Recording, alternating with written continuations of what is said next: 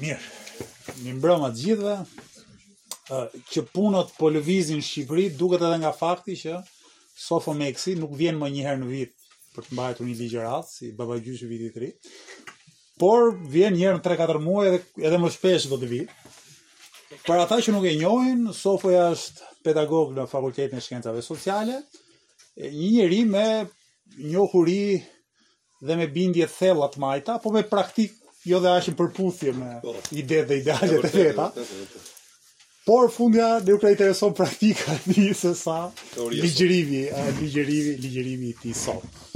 Sofoja po ashtu, 2-3 muaj më parë, krejt rastësisht u shndërrua për disa ditë në strumbullarin e një thashethemnaje të madhe të shumë reaksionarëve dhe konservatorëve në në Shqipëri që pikasën në ligjërimin e tij të fundit në Log stratagemën, strategjinë madhore të ngjarjeve të dhjetor-janarit. Që kish njerëz që besonin se mbrapa Sorosit qëndronte edhe Sofo Meksi, domethënë. Nuk ishte Sorosi pa Sofos, ishte ishte ose sa nuk ishte Soros. Soros, le të themi, Sorosi pas Sofos, po Sofoja pas Sorosit. A... Po si veza pula, pula veza. Tani, sot Sofoja do na flasë për fenomenin e revolucionit, të shprehur në ato revolucionet madhore të, të historisë, prej shekullit të 17 deri në shekullin e 20, për të përbashkëtat e tyre, për shkaqet madhore të tyre, aktorët ose agjentët kryesorë uh, historikë, çfarë kanë prodhuar, teoritë e ndryshme të interpretimit të tyre. Dhe siç ka premtuar, do mundohet të hedhë edhe një paralele midis kësaj strukture uh, të, të revolucionit dhe mënyrës se si kanë rrjedhur ngjarjet në atë që mund të quhet një lloj revolucioni studentor shqiptar të dhjetorit dhe të janarit 2018-2019. Uh, Faleminderit. Tani në fakt Arlindi përshkruajti pak a shumë me saktësi atë që kam ndërmend të bëj, pra një lloj unë mendova sot, ë, do bëjmë një një lloj kalimi me dron nga sipër të asaj që mund të jetë fenomeni politik i revolucionit. Nuk do hyjmë shumë në detaje, për arsye kohe, për arsye sepse është e vështirë që një debat shumë kompleks apo jo të jepet i plotë në një kohë kaq të shkurtër. Kështu që do bëjmë pikërisht këtë që pak a shumë e tha Arlindi, do shohim ato që janë ç'është revolucioni radhë të parë, ë cilat janë shkaqet, ose si janë identifikuar nga studiues të ndryshëm si shkaqet kryesore të një fenomeni të tipit revolucionar, cilat janë të themi fazat e revolucionit, cilët janë aktorët kryesorë, hmm? dhe në fund fare një sy i shkurtër tek ato që janë pasojat dhe alter egoja e revolucionit, tek kundërrevolucioni. Sigurisht që kur e diskutuam këtë temë me Arlindin dhe me me të tjerë para disa kohësh, kishim një plan ambicioz që të bënim pikërisht një lloj krahasimi ndërmjet konceptit të përgjithshëm të revolucionit dhe ngjarjeve të lëvizjes studentore të dhjetor-janarit 2018-2019. Është e vështirë kjo e dyta përse? Sepse në radhë të parë ngjarjet e dhjetorit sapo filluar, është një një fenomen që sapo ka filluar dhe duhet t t'i lësh njëfarë kohe një fenomeni që të zhvillohet që ti të kuptosh se çfarë është realisht. Dy është sepse nuk është studiuar mirëfilltazi. Ne gjatë atyre ditëve sigurisht që kemi jemi përpjekur t'i interpretojmë ngjarjet duke bërë atë krahasimin klasik me ngjarjet e ngjashme në në të shkuarën, apo jo, dhe na ka shërbyer për t'u orientuar pak a shumë ose për të kuptuar se çfarë po ndodhte. Mirëpo nga kjo të bërit një analizë të mirëfilltë krahasimore është i çik e vështirë. Po sigurisht do përpiqemi që të bëjmë dhe krahasime. Ta nisim me me atë çka pra ta shtrojmë në formë pyetjesh. Ç'është një revolucion ta nisim? mund ta bëjmë kështu. Ç'është një revolucion dhe çfarë nuk është? Sepse ekziston gjithmonë një lloj ngatërrese e madhe, shumë gjëra thonë revolucion apo jo. Shumë gjëra futen ke revolucioni, thënë revolucion në kozmetikë për shembull, revolucion në shumë gjëra të tjera. Ta marrim revolucionin si parim. Radhë të parë është një ndryshim. Kemi të bëjmë me një ndryshim. Ky ndryshim duhet të ketë dy karakteristika të tjera që të quhet revolucionar. Duhet të jetë i shpejtë, pra në një kohë të shkurtër të shtrihet zhvillimi i fenomenit dhe e dyta duhet të jetë rrënjësor, i thellë. Duhet të preki shumë sektorë të jetës shoqërore. Ktu kemi konceptin e revolucionit, dhe mund ta përdorim për revolucion industrial po doni, mund ta përdorim për revolucion social po doni. Ne jemi të interesuar sot tek ai që është revolucioni i tipit politik, Pra do ta shohim revolucionin në aspektin politik. Dhe revolucioni që të jetë politik duhet të synojë në radhë të parë të kapi pushtetin politik. Pra duhet të jetë një ndryshim i shpejtë që nis me kapjen e pushtetit politik dhe pastaj përdorimin e pushtetit politik për të zbatuar në shoqëri këto ndryshime të thella në ekonomi, në shoqëri, në ideologji, po doni në kulturë. Dhe aspekti tjetër që duhet të ketë se s'bën një revolucion është fakti që duhet të jetë joligjor, ekstralegal. Revolucioni është i jashtëligjshëm. Dhe pikërisht se është i jashtëligjshëm, pra është i papranueshëm për sistemin ekzistues, ai gjeneron një represion nga ana e sistemit dhe një kundërpërgjigje nga ana e forcave revolucionare, kështu që kemi edhe elementin e dhunës. Revolucioni dhe dhuna janë bashkëshoqëruese. A mund të kemi revolucione jo të dhunshme? Ka raste ekstreme, kur klasa sunduese është aq e dobët dhe aq e konsumuar, sa rrëzohet me një lloj shpejtësie. Këto janë tepër tepër të rralla. Zakonisht, revolucionet e mëdha, dhe këtu do bëjmë dallimin e parë, revolucionet e mëdha, revolucionet e vogla. Kush janë revolucionet e mëdha? Janë ato revolucionet historike që kanë pasur ndikim dhe që shpesh herë janë marrë si model. Kur themi do studiojmë revolucionet, i referohemi kryesisht revolucioneve klasike, atij anglez, disa atë amerikan e pranojnë disa nuk e pranojnë, ai francez është më kryesori, ai rus dhe ai kinez i që çon jo kulturori, po ai që çon në ardhjen në pushtet të Partisë Komuniste Kineze. që mund të fillojë që nga 1911 deri në 1949, do thonë disa studiues, është i gjatë. Pra, në këtë drejtim dallojmë revolucionet e mëdha nga ato revolucionet e vogla që kanë pasur ndikim në një vend ndoshta, por që nuk kanë pasur ndikim kaq të shtrirë në hapësirë sa këto revolucionet e mëdha dhe në kohë, jo vetëm në hapësirë. Kështu që revolucionin radhë parë do ta shohim edhe çfarë nuk është. Dhe zakonisht dallohet me dy kategori të tjera politike që e, e bashkëshoqërojnë, grushi i shtetit puçi dhe e, revoltat. Grushi i shtetit dallon nga revolucioni sepse nuk ka elementin e masës. Revolucioni ka elementin e masës shoqërore. Kjo e dallon. Është veprim kolektiv. Za, grushti i shtetit është veprim që i bëjnë kryesisht një pakicë politike, një elitë, ëh, dhe grushtet e shtetit mund t'i ndajmë grushte shteti të thjeshta që quhen, ose të pastra, dhe grushte shteti komplekse. Grushtet e shtetit të thjeshta janë zakonisht përpjekja nga ana e një elite përmes dhune për të zëvendësuar një pjesë tjetër të elitës, ato që njihen më së shumti si revolucione pallati për shembull. ku mm, një mbret rrëzohet në mënyrë të jashtëligjshme nga oborrtarët e tij ose nga një kushëri i tij, një pretendent tjetër i fronit. Ato që mund t'i cilësojmë si grushte shteti të tipit ekzekutiv, kur ekzekutivi grumbullon në mënyrë të jashtëligjshme aq shumë pushtet sa kthehet në apo jo forcën kryesore, pra një shkelje kushtetuese nga ana e ekzekutivit. Kemi grushte shteti të tipit ushtarak, ato që janë klasike dhe më të njohurit, kur një pakicë e elitës, kryesisht ushtarakët, vendosin të nxjerrin jashtë loje pjesën tjetër të elitës. Kemi edhe grushte shteti të tipit paraushtarak, kur një organizatë gjysëm ushtarake jashtë le të themi forcave të rendit ose të ushtrisë normale merret merr pushtetin siç është për shembull marshimi mbi Romë i Benito Mussolinit në 1922-shin. Ë pra edhe një herë grushti që dallon nga revolucionet për faktin që aty nuk kemi është është e shpejtë një herë si veprim, zgjat shumë pak apo jo, zakonisht nuk ka dhe shumë, nuk është dhe shumë i përgjakshëm. Ëh. Dhe prek kryesisht ato që janë sferat e larta të politikës. Masat nuk janë aktore. Revoltat kanë një tjetër dallim. Revoltat ndryshe nga grushti i shtetit kanë për pjesëmarrjen e masës, por ndryshe nga revolucioni dallojnë sepse në objektivat që kanë, nuk synojnë të rrëzojnë rendin ekzistues. Zakonisht mungojnë në një ideologji të mirëfilltë, që mund ta kenë revolucionet dhe në detajim të strategjisë kanë mangësi të shumta. Ne do shohim më vonë, kur flasim për revolucionin, se pikërisht çfarë i mungon revoltës. Revoltat mund t'i ndajmë sipas grupit shoqëror që i bën. Revol, revolta fshatare ka qenë ajo më e përhapura, zhakeria, si i thonë me termin francez, kemi revoltat urbane, ku turmat urbane kryesisht janë aktore, kemi edhe revoltat aristokratike, kur zakonisht aristokracia e një vendi rebelohet ndaj pushtetit mbretëror ose të një oligarkie të ngushtë. Revoltat mund të ndahen edhe sipas qëllimit që kanë. Revolta që studiuesit i cilësojnë si nativiste, kur një kulturë ndjehet e kërcënuar, sepse ka shumë gjëra të huaja në qarkullim, shpërthen në një lloj konservatorizmi kulturor, ose revolta mesianike, që janë pak a shumë me frymëzim të tipit fetar. Hm, ku një utopi fetare e imagjinuar dhe ku për shembull revoltat e popullit hebre kundër romakëve në shekullin e parë të erës. Ku dallon revolta e theksuan pra se ku dallon revolta nga revolucioni. Kështu që ajo që është e rëndësishme është për të thënë që revoltat dhe grushtet e shtetit mund të jenë fenomene që bashkëshoqërojnë një revolucion. Pra në një revolucion në momente të caktuara mund të kemi grushte shteti ose revolta.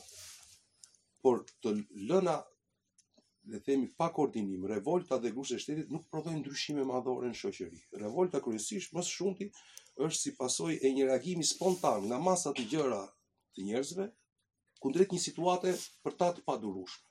Kryesisht ideologjikisht revolta ka një qasje konservatore. Pra presupozohet që dikur ishim mirë, na ndodhi një shkelje e madhe, një padrejtësi e madhe, një komplot nga dikush dhe tani ne reagojmë në mënyrë spontane, rebelohemi për ta kthyer situatën aty ku qe. Hmm? Të ka, le të themi, ideologjikisht revolta. Tani, pasi sqaruam se çfarë është revolucioni, pra çfarë duhet të ketë një fenomen që të quhet revolucion dhe çfarë nuk duhet ngatërruar me revolucionin, mund të shkojmë tek ato që mund të cilësohen shkaqe. Zakonisht studiuesit shkaqet i ndajnë sipas shkallës, thonë shkaqe të thella, hm, ose afatgjata, shkaqe afatmesme, dhe ato ngjarje që mund të cilësohen si ngjarja shpërthyse e një revolucioni. Thjesht fitili ndezës. E një rëndësie të vogël, po që për momentin shërben për të nisur një, le të themi, mobilizim masiv të njerëzve. Zakonisht te shkaqet afatgjata, studiuesit identifikojnë për shembull ndryshimet madhore ekonomike, ndryshimet madhore teknologjike, ndryshimet madhore vlerore, pra, ngjarjet afatgjata flasin për ndryshime që shtrihen në një shekull zakonisht kohëzgjatje kohore. Edhe tek sa te ngjarjet afatshkurtra ose afatmesme, identifikohen ato që mund të cilësohen si krizat periodike ekonomike, përçarja ose paaftësia e shtresave drejtuese, kur shtresa drejtuese mund të përçahet në dy grupe dhe lufta e tyre apo jo, mund t'i bëjë ato disfunksionale ose elita është totalisht e paaftë, ë, për të kryer themi funksionet e veta sunduese. Kemi ato momente kur kemi një krizë fiskale zakonisht të shtetit. Ë, Por vini re, afatmesmet funksionojnë gjithmonë në qoftë se kemi edhe kushtet le të themi afatgjata. Dakord? Pra që të quhen parakushte për një revolucion, duhet të përputhen kushtet afatgjata me kushtet afatmesme. Dhe ajo që është ngjarja ë që ndez, ë fitili ndezës, që zakonisht mund të jetë studiuesit i ndajnë në të organizuara dhe spontane. mund të jetë një ngjarje komplet e pamenduar dhe paorganizuar që nis menjëherë atë valën e ngjarjeve që zhvillojnë pastaj revolucionin, për shembull mund të jetë një valë paniku. Hm, një valë paniku. Merrni për shembull rastin konkret atë që ndodhi para disa vitesh me armët kimike. Apo u krijua një panik masiv shoqëror që këtu do na sjellin armë kimike të cilat mund të na kushtojnë Edhe jetë. Sigurisht nuk apo jo, Shqipëria ka pasur armë kimike, armët kimike nuk zakonisht nuk shkaktojnë atë panik, por ky panik është dhe pozitiv sepse tani që po e mendoj për shembull mund të jetë një një krahasim i tillë. Është një grua që e keqtrajton bashkëshorti. Një ditë ajo e duron, e duron, por një ditë ajo mendon se ky mund të më vrasë. Sigurisht nuk do ta vrasë. Por kjo bëhet shkak frika e saj nga vrasja që ajo të shkojë ta denoncojë keqtrajtuesin. në ë, polici. Kështu që është një panik që shërben si një ndezës për zhvillime tjera më të më të rëndësishme. Kur përdorin fazat e revolucionit, studiuesit zakonisht përdorin ato që është fazat e revolucionit francez, dhe i ndajnë tre.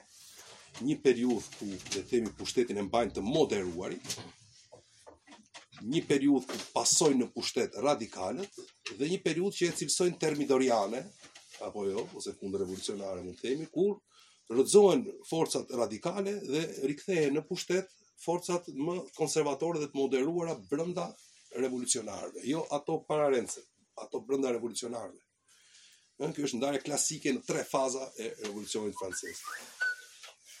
Pyetja tjetër mund të jetë ose çështja tjetër mund të jetë cilët janë aktorët kryesorë të revolucionit. Apo jo. Dhe zakonisht edhe këtu studiuesit e ndajnë në dy grupe kryesore.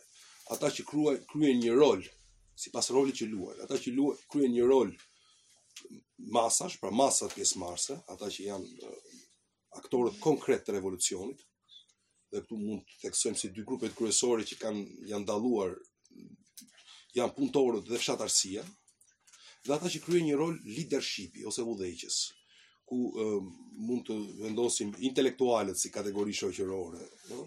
dhe sidomos kur ata janë të organizuar në klika ose në grupime të ngushta në parti tipit revolucionar Dhe këtu ke apo jo, studiuesit këtu është le të themi një nga çështjet më të debatueshme të revolucionit. Për sa i përket atyre që mund të jenë ndjekësit, le të themi ndjekësit. Ë punëtorët po studiuesit janë përpjekur të identifikojnë cilët punëtorë Dhe në çfarë në cilat raste punëtorët zakonisht bëhen aktorë, aktivistë të një fenomeni revolucionar. Janë identifikuar që nuk kemi të bëjmë me atë që mund të konsiderohet si pjesa e poshtme e klasës punëtore ose lumpenproletariat. Zakonisht kjo është një një shtresë politike e tjetërsuar totalisht nga as nuk janë le të themi ata që mund të konsiderohen me këtë termin që është përdorur dikur aristokracia e klasës punëtore që zakonisht janë të integruar në për le të themi në strukturat e pushtetit të zakonisht kemi të bëjmë me punëtorët që kanë një lloj kualifikimi, por jo nuk janë ajo pjesa më e kualifikuar e punëtorëve. E njëjta gjë mund të vlejë edhe për fshatarët. Nuk është fshatari i varfër totalisht, i cili është aktor revolucionar zakonisht. Ky është një fshatar shumë i lidhur në mënyrë le të themi kështu paternaliste me pronarët e mëdhenj të tokave. nuk është aktor. As fshatari e, i pasur themi, ajo që është ajka ekonomike e fshatarësisë, të cilët janë shumë janë në një pozicion komode, ju pëlqen status quo edhe vështirë se rrezikojnë duke u futur në një dinamikë revolucionare. Më së shumti, dhe kjo është teoria e një studiuesi amerikan, Erik Wolfit, është fshatarësia e mesme që është aktore e proceseve revolucionare nga ana e fshatarësisë. Sidomos kur kjo fshatarësi e mesme ka një uri për tokë. Studiuesit bien dakord që kur kemi një përhapje të gjerë të pronësisë fshatare mbi tokën, pra ku nuk ka uri për tokë nga ana e fshatarësisë, atëherë fshatarësia shumë pak në shumë pak raste është mbështetëse e fenomeneve revolucionare. Zakonisht është bastioni i forcave antirevolucionare, kundër revolucionit. Po kur të flasim për kundër revolucionit pak më vonë do ta trajtojmë më në detaj. Kët pra punëtorët dhe fshatarët dhe këtu bëjmë një dallim. Kur themi masat, populli bëri revolucion, kemi parasysh diçka. Asnjëherë në asnjë revolucion madhor të këtyre dy shekujve nuk ka qenë i tërë populli që ka bërë revolucionin. Apo ka qenë një pakicë e tyre. në rastin më të diçka si 10-20% mendojnë disa studiues. Po të marrim një rast konkret për shembull, revoltat studentore të 68-s në Francë, marrim rastin e studiues që thonë nuk tejkalojnë më shumë se 10%, vetëm 10% e studentëve francezë në 68-ën marrin pjesë aktivisht në manifestimet kundër De Gaullit, që është rasti më, le të themi, ekstrem i mobilizimit të studentëve në një aktivit në, në një revolt masive kundër autoriteteve. Kështu që janë gjithmonë le të themi aktivistë të cilët nga klasa të ndryshme shoqërore që e bëjnë këtë, po jo e gjithë klasa shoqërore. Sigurisht, këtu shumica ka edhe ajo rolin e vet, sepse shumica me rolin e vet pasiv kryesisht, pra me një lloj rezistence pasive ose me një mbështetje pasive, shumica ka një rol të rëndësishëm. Sikur shumica të rezistojë pasivisht, apo jo, kjo është një pengesë e jashtëzakonshme për këdo që do të marri pushtetin apo do ta ta mbajë pushtetin. Dhe e kundërta. Ë, kështu që kemi parasysh këtë gjë. Do të thënë brenda këtyre kur flasim punëtorët dhe fshatarët, flasim për një pjesë të punëtorëve. për një pjesë të fshatarëve, ata të cilët aktivizohen në procesin revolucionar.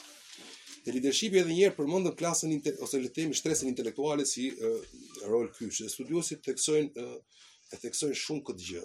Zakonisht një nga simptomat e një situate revolucionare është ajo që cilësohet si tëhuajtësimi i intelektualëve, kur intelektualët braktisin ë një sistem politik, masivisht bëjnë kritikë ndaj një sistemi politik, zakonisht merret si një shenjë që një ndryshim i madh sistemor po vjen. ë është si puna e dallëndyshes që sjell pranverën në krahasim. Midis intelektualëve sigurisht apo jo një rol të rëndësishëm kanë pjesa e studentëve brenda kategorisë intelektuale. ë Kështu që qoftë studentët dhe më gjerë kategoria e intelektualëve zakonisht luajnë rolin e leadershipit në një situatë revolucionare. Nuk ka ndodhur ndonjëherë që vetëm intelektualët ose vetëm studentët të bëjnë një revolucion. Apo nuk ekziston. Nuk ka ndodhur ndonjëherë që një grup kaq i vogël shoqëror, sepse qoftë intelektualët, qoftë studentët janë vetëm një pakicë e vogël e popullsisë.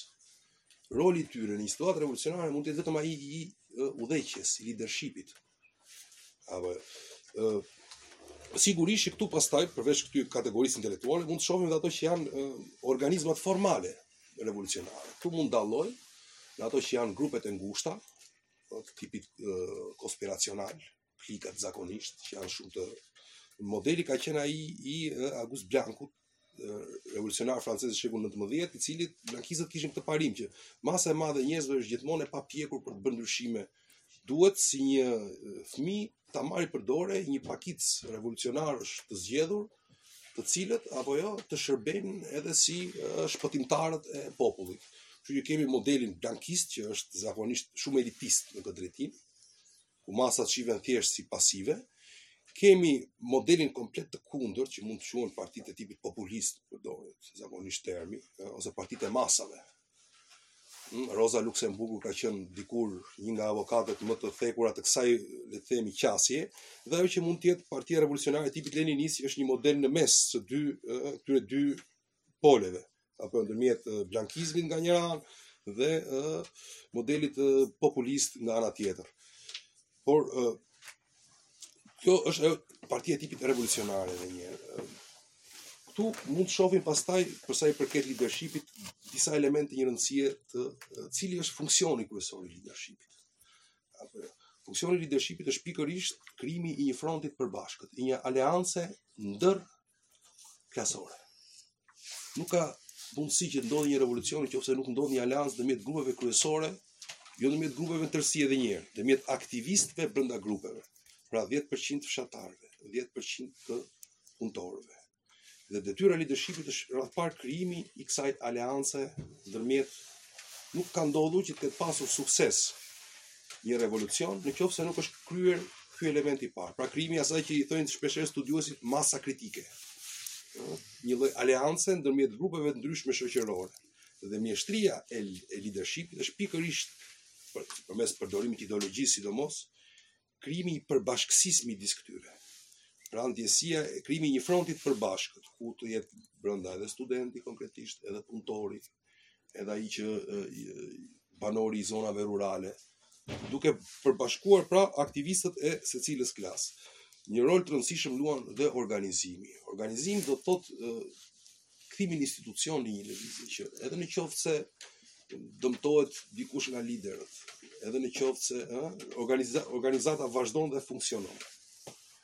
ë, të ketë një lloj lidhje ndërmjet atyre që drejtojnë dhe atyre poshtë, të ketë element të tipit të, të kohezionit të grupit, sepse grupi duhet të jetë një leadership revolucionar, duhet të jetë nga njëra anë të ketë frymën e, e, e grupit për bashkë. Po nga ana tjetër nuk mund të rrijë i sektarizuar, i izoluar brenda vetes, po duhet të anëtarët e saj të futen në shoqëri. Kjo që është një proces një çikë si problematik sepse do edhe të kesh frymën e grupit, po edhe të futesh në shoqëri, për shembull bolshevikët në revolucionin e 17-s, e mbanin të fortë identitetin e grupit. Por ama shkonin dhe infiltroheshin, përziheshin me ushtarët, me fshatarët, me klasën punëtore, me grupet e tjera shoqërore.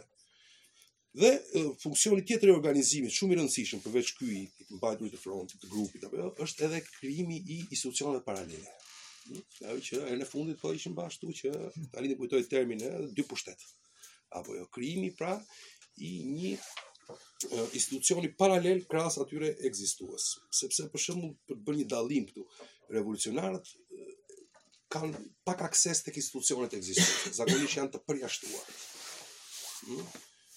Format e tjera të ndryshimit politik, klasat e larta kanë gjithmonë një lloj aksesi. Ndërkohë që forcat revolucionare janë gjithmonë të përjashtuara nga sistemi, kështu që duhet të ndër, të ndërtojnë organizimi është forca e tyre, dhe kjo organizimi të, të ndërtojnë institucione paralele, një lloj qeverie hije. Apo jo, nëse e keni parasysh. sigurisht një rol të madh ka dhe ideologjia. Pamë që ideologjia kishte një rol thelbësor në krijimin e asaj që është fronti i përbashkët. Po ideologjia shërben radhë parë për të legjitimuar komplet veprimet e procesit revolucionar, radhë parë për të goditur sistemin ekzistues, hapi i parë, për të ngritur një sistem alternativ ndaj tij. apo jo, pra që një një diçka tjetër është e mundshme dhe logjike.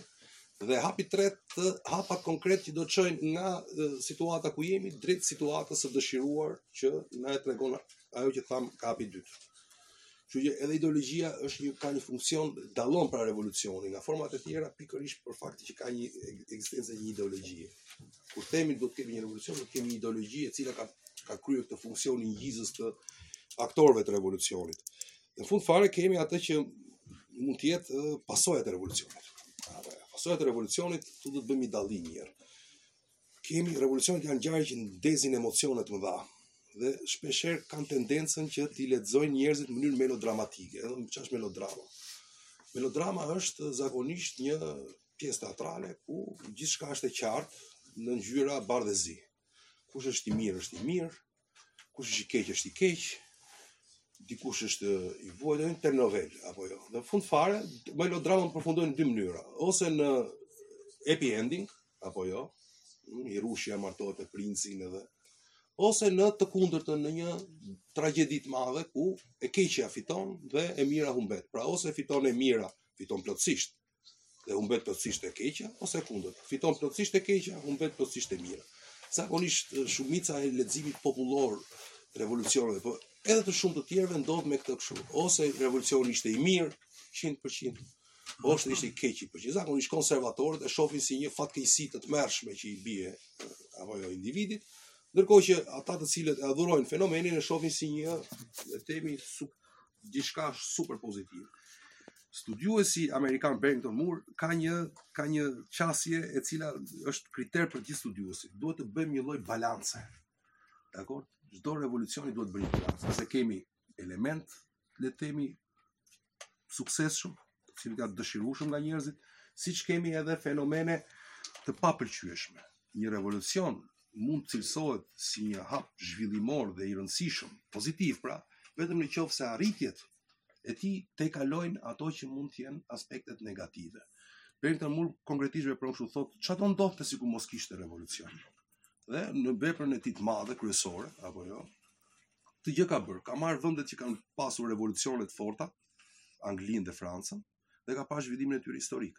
Ka parë vende të cilat nuk kanë pasur një revolucion, pra kanë hyrë në modernitet pa një revolucion të fuqishëm, Gjermania, Japonia, Italia, dhe ka marrë vende të cilat si India, që nuk ka pasur as modernizim e as re revolucion. Dhe ka thënë në vendet e në Francë dhe në Angli, demokracia u le të themi forcua pikërisht se ishte revolucion. Ndërkohë që në Gjermani dhe në Japoni ku ndodhi modernizimi, jo përmes një revolucioni, një thyerje, por përmes një kompromisi klasor. Apo jo? Pasoja ishte fashizmi dhe imperializmi në vitet 40 të shekullit të shkuar. Ndërkohë në Indi, që s'ka pasur as revolucion as modernizim, ka vazhduar kjo situata e mjerimit tradicional, Apo jo, për shembull, thotë Barrington Moore-i kur kur shohim të vrarët e revolucionit francez, ata të cilët ekzekutohen nga revolucionarët, duhet të llogarisim ata mijëra që do vdisnin nga mjerimi i situatës para ekzistuese. Ai kur thotë mjerimi, thotë ato ato gjëra që mund të evitoheshin në sajë të një veprimi politik, por që nuk mund të bëheshin nga sistemi i vjetër. Mm, kështu që në këtë mënyrë është i çiksi, është i çiksi, le të themi, e vështirë që të krahasosh deket me këtë dhe me atë, por e rëndësishme për ne është që kur trajtojmë pasojat e një revolucioni, të bëjmë një balancë historike, të, të shohim çfarë do ndodhte sikur mos ndodhte. Dakor, dhe cilat janë efektet pozitive afatgjata, kështu që do një çik kohë, afatgjatësi pas një revolucioni që të kuptojmë plotësisht efektet e tij. Kështu që është midis tyre që trajtuam është tema më komplekse pasojat e revolucionit. Tjetër është dhe tema e kundërrevolucionit. Arno Mayer, një studiues amerikan, thot nuk mund të themi revolucion, po nuk patëm parasysh dhe kundërrevolucionin. Pra, atë reagimin e kundërt ndaj tij. Kundërrevolucioni zakonisht studiuesit e ndajnë në kundërrevolucion të tipit parandalues, kur ndodh një kundërrevolucion pikërisht kur elita drejtuese shohin që po vjen një revolucion dhe bëjnë një veprim për ta parandaluar atë, është reaktiv kur ndodh një kundërrevolucion gjatë kohës së revolucionit dhe është i vonuar kur ndodh pasi pushtetin e kanë marrë forcat revolucionare. Zakonisht kundërrevolucioni i vonuar është gjithmonë i pasuksesshëm. Studiuesit janë përpjekur të kuptojnë cilat janë shkaqet që ndikojnë ke, ke suksesi i kundërrevolucionit. Dhe kanë theksuar disa elementë. Radhë parë rajonalizmi, kundërrevolucioni shfaqet kryesisht në formën e rajonalizmit. Rajone të caktuara të vendit që është në, në revolucion zakonisht rebelohen ndaj qendrës. Vandeja në Francë, gjatë revolucionit francez, Rusia e jugut, gjatë revolucionit rus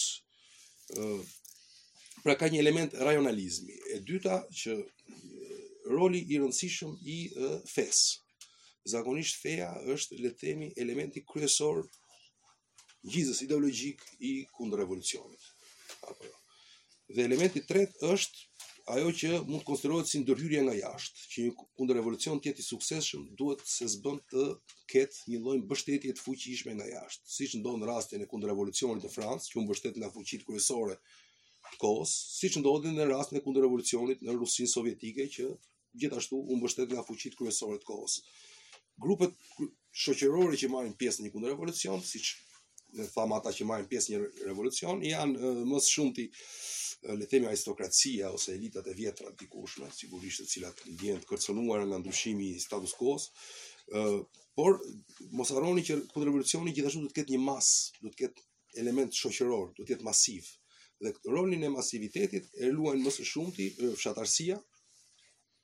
Dhe fshatarësia ne pamë që në qoftë se ndjehet e kërcënuar nuk ka arsye për nuk ka dëshirë për të marrë tokë, pra është ngopur me tokë. 2. Fshatarësia zakonisht është dhe shumë fetare, kështu që elementi i fesë ndikon shumë në fshatarësinë kundërrevolucionare, rasti i Vandesë, siç edhe rasti i Rusisë Jugore. Dhe Elementi i tretë është që fshatarësia prej nat në natyrën e saj ka një qasje tradicionale.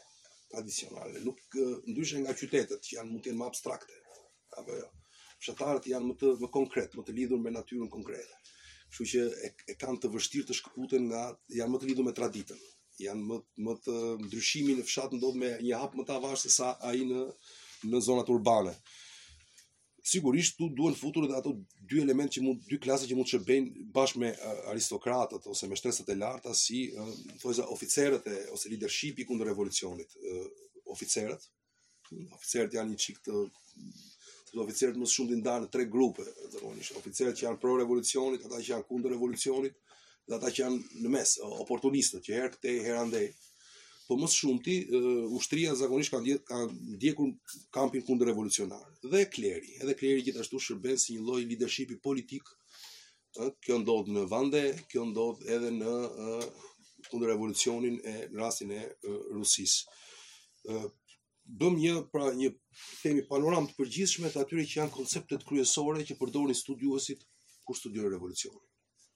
Pra ç'është? Çfarë e shkakton? Pse ndodh si fenomen? Cilat janë fazat kryesore të fenomenit? Cilët janë aktorët kryesorë dhe cilët janë shkaqet që shtyjnë aktorët kryesorë të përfshihen në procesin revolucionar?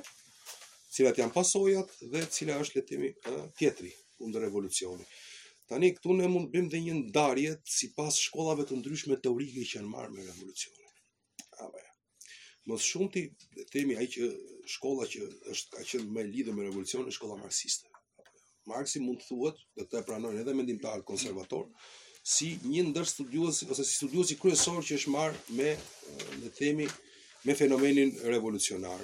Por në shekullin 19 nuk ka qenë vetëm Marksi, sigurisht një kontribut të madh ka dhënë dhe mendimtari liberal, Tokvili, i cili gjithashtu ka ka qenë një nga mendimtarët kryesorë që është marrë me revolucionin.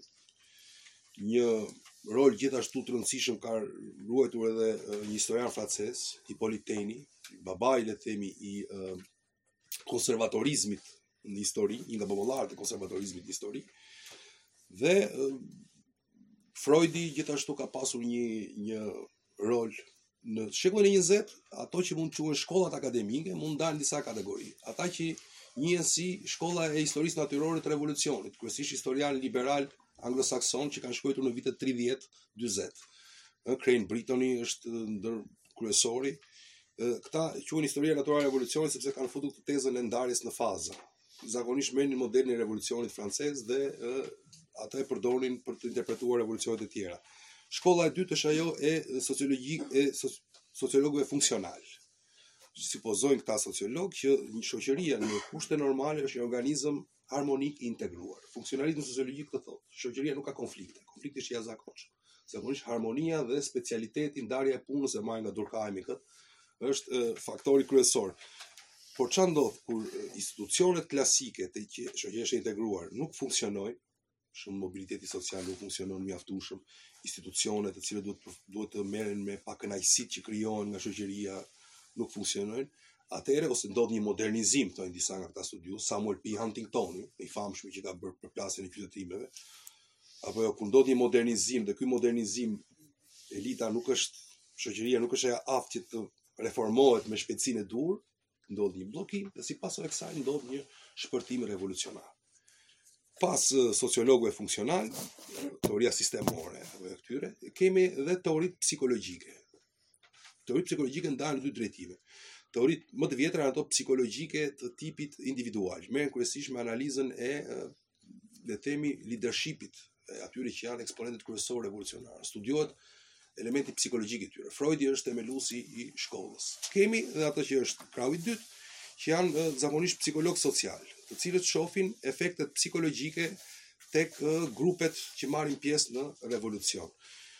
Këtu kemi të bëjmë me shkolla që unë i cilësova, shkolla psikologjike, shkolla sociologëve, apo jo, shkolla historianëve. Në fakt, janë të treja këto shkolla janë zakonisht tipit konservator. Apo jo.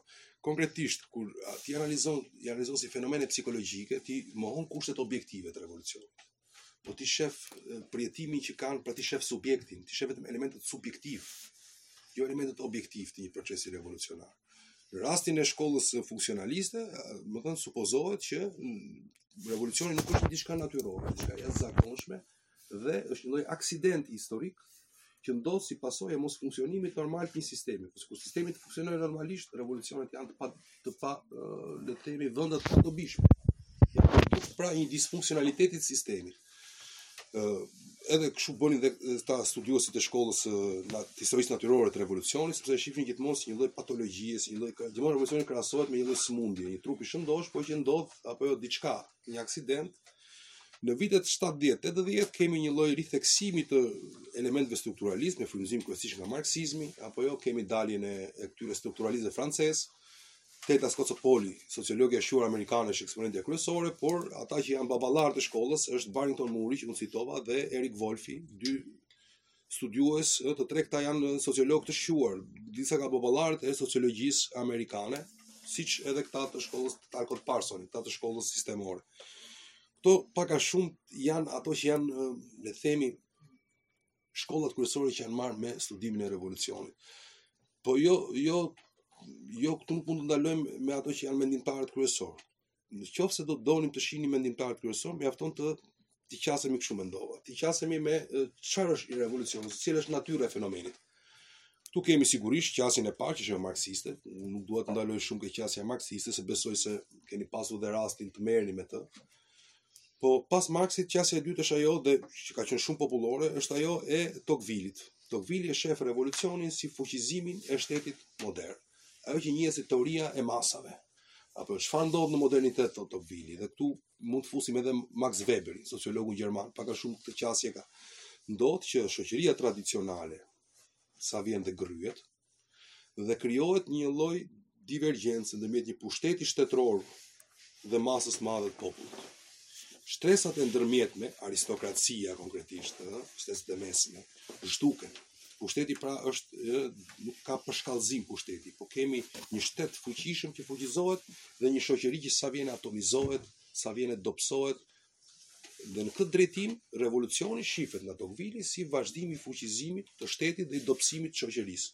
Jo më kot, apo jo, ata studiues që i përkasin kësaj shkolle theksojnë rëndësinë e fuqizimit të shoqërisë civile. Zakonisht janë i përkasin qasjes liberale. Liberalët e kanë më së shumti e interpretojnë revolucionin në këtë drejtim, pra si fuqizimi i shtetit në dëm të lirisë, të cilën tradita i garantonte të grupeve shoqërore. Një qasje po tjetër liberal konservator është ajo e famshme e filozofes gjermane Hana Arendt, apo jo vepra e saj mbi revolucionin. Arendti ë jo se nuk është simpatike ndaj fenomenit revolucionar, po është simpatike ndaj vetëm një revolucioni, atij amerikan, i cili është kaku, sepse Arendti thotë një revolucion ka vlerë për shoqërinë vetëm nëse mundëson apo jo, i mundëson njeriut që të marrë pjesë barabartë me të tjerët në politikë, e cilësoj të, të realizojë lirinë, nuk e di, lirinë pozitive ta quajmë. Jo, lirinë pozitive, ha? Por kur revolucioni përfsh, në të përfshihet edhe çështja sociale, apo jo, atëherë humbet dhe kthehet në një tirani më të keqe se ajo të cilën rrëzoi. Arendti është dhe nëna, po themi kështu, e teorisë së totalitarizmit. Kështu që revolucioni amerikan është mirë sepse ndodhi në një shoqëri ku nuk kishte probleme ekonomike dhe arriti të realizojë hm, atë që është thoshte Arendti, sistemi politik më i arrirë, që është sistemi politik anglosakson. Ndërkohë që në Francë dhe në Rusi, ku përzihen me çështjen sociale, revolucioni devijoi nga rruga e mirë ku ishte nisur dhe përfundoi në një tirani më të keqe se në një totalitarizëm do do thonin më vonë studiuesit. Gjithashtu për revolucionin është përdorur shumë edhe ajo që mund ta cilësojmë si teoria e Ipolit Tenit, teoricien francez i cili ka këtë që janë ekzistojnë disa le të themi një utopi dhe revolucioni është zbatimi i utopisë në raste konkrete. Apo jo, Teni e, e futi i pari këtë duke interpretuar revolucionin francez si zbatimin e një utopie e cila ishte jashtë realitetit. Këtu analizuam ato që mund të konsiderohen si le të themi mendimtarët kryesorë që janë marrë me revolucionin. Tani unë nuk do doja që të vazhdoja më tej referimin kështu, po do doja që të organizonim një debat me njëri-tjetrin ku mund të bënim krahasime edhe me situatat, mund të bëni pyetje dhe mund të hyjmë më në detaj. Në? Unë bëra një, një vështrim përgjithshëm e krahasova me dronin që kalon sipër. Dhe për të hyrë më në detaje, për të parë më konkretisht të tëra këto tema, pra qoftë temën e koncepteve kryesore, pra ç'është revolucioni, cilat janë shkaqet kryesore, cilat janë fazat kryesore të tij, cilat janë aktorët kryesorë të tij, cilat janë pasojat kryesore, këtë mund ta bëjmë ndoshta në mënyrë më mirë në formën e një debati. Faleminderit.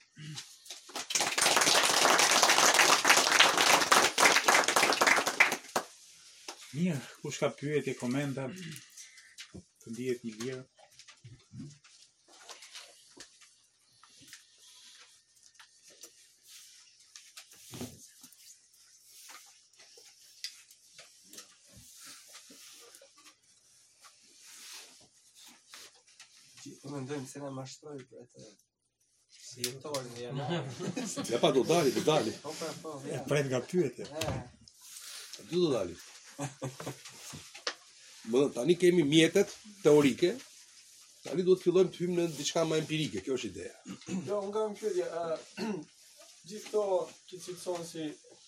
se që emërtohen si revolucione, por që për shembull ti nuk i kategorizove mm -hmm. për shembull revolucioni kuban. Po, po, jo.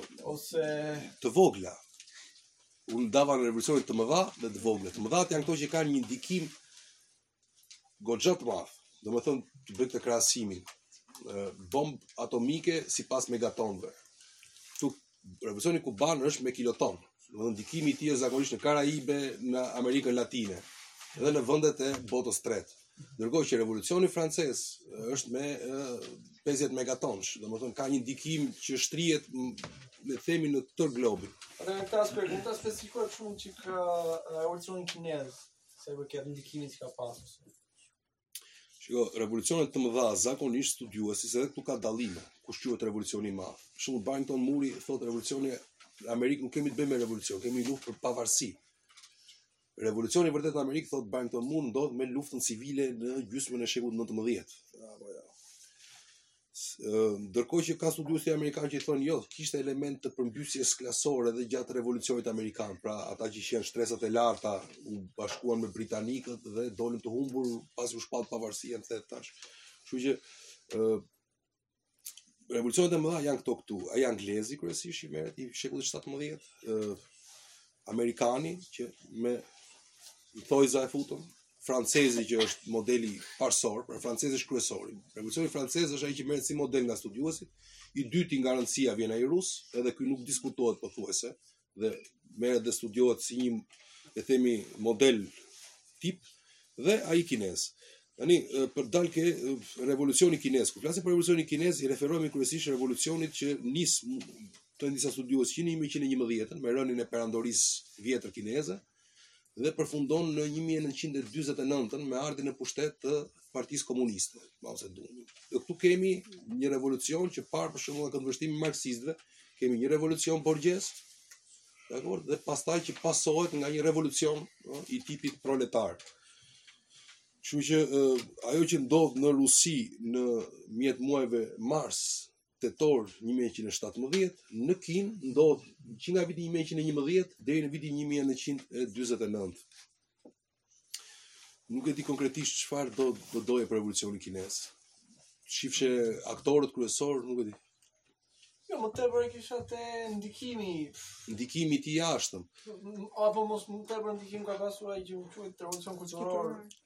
Shiko, revolucioni kinez zakonisht është përjetuar si një lloj pasqyrimi i revolucionit rus. Edhe kur edhe kur aktorët kryesorë, ëh, eh, Mao Zedong që e ndërmori apo jo, e ndërmori duke patur parasysh të, të bënte një diçka të ngjashme me atë, ëh, eh, komunistët kinezë në fillimet e tyre ishin shumë të varur nga modeli eh, sovjetik. Siç gjatë revolucionit bolshevik, modeli i revolucionit francez ishte në le të themi në planet e leadershipit.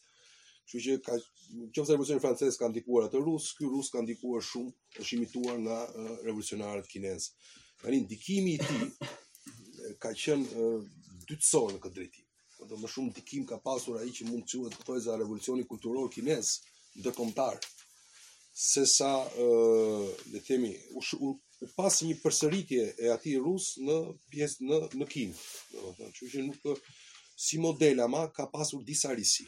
Si model ka pasur disa risi sepse është i pari revolucion ku rolin kryesor në masat e luan fshatarësia. Apo dhe këtu kemi, këtu lindi një debat i madh. Deri në atë pikë, fshatarësia zakonisht konsiderohej si një mbështetëse pasive në rastin më të mirë e revolucionarëve dhe si një kundërshtare aktive në rastin më të keq. Dhe themi ë dhe këtu është dhe fati dhe le themi fama e Mao Ce Dunit, pikërisht dalja e fshatarësisë si një aktor i rëndësishëm revolucionar, është edhe kontributi kryesor që jep. Ë sigurisht ka dhe një element tjetër që do ketë sukses tani ngjizja e çështjes së revolucionit social me çështjen e revolucionit nacional. Apo dhe këtë këtë e kishte në gjenezë që leninizmi, kur e shef revolucionin nacional e shef si një formë të revolucionit borgjez. Ë dhe shef revolucionin borgjez si një lloj pararendësi të le të themi revolucionit socialist. Kështu që këtë ndikim kryesor ka pas revolucioni kinez, që ka ndikuar në Vietnam, në Kore kryesisht pastaj. Edhe rasti i Shqipërisë mund të analizohet shumë në ngjashmëri me këtë rastin kinez. Ngjizja e elementëve social dhe nacional, roli i rëndësishëm i fshatarësisë si aktore, si masa dërmuese e elementit revolucionar,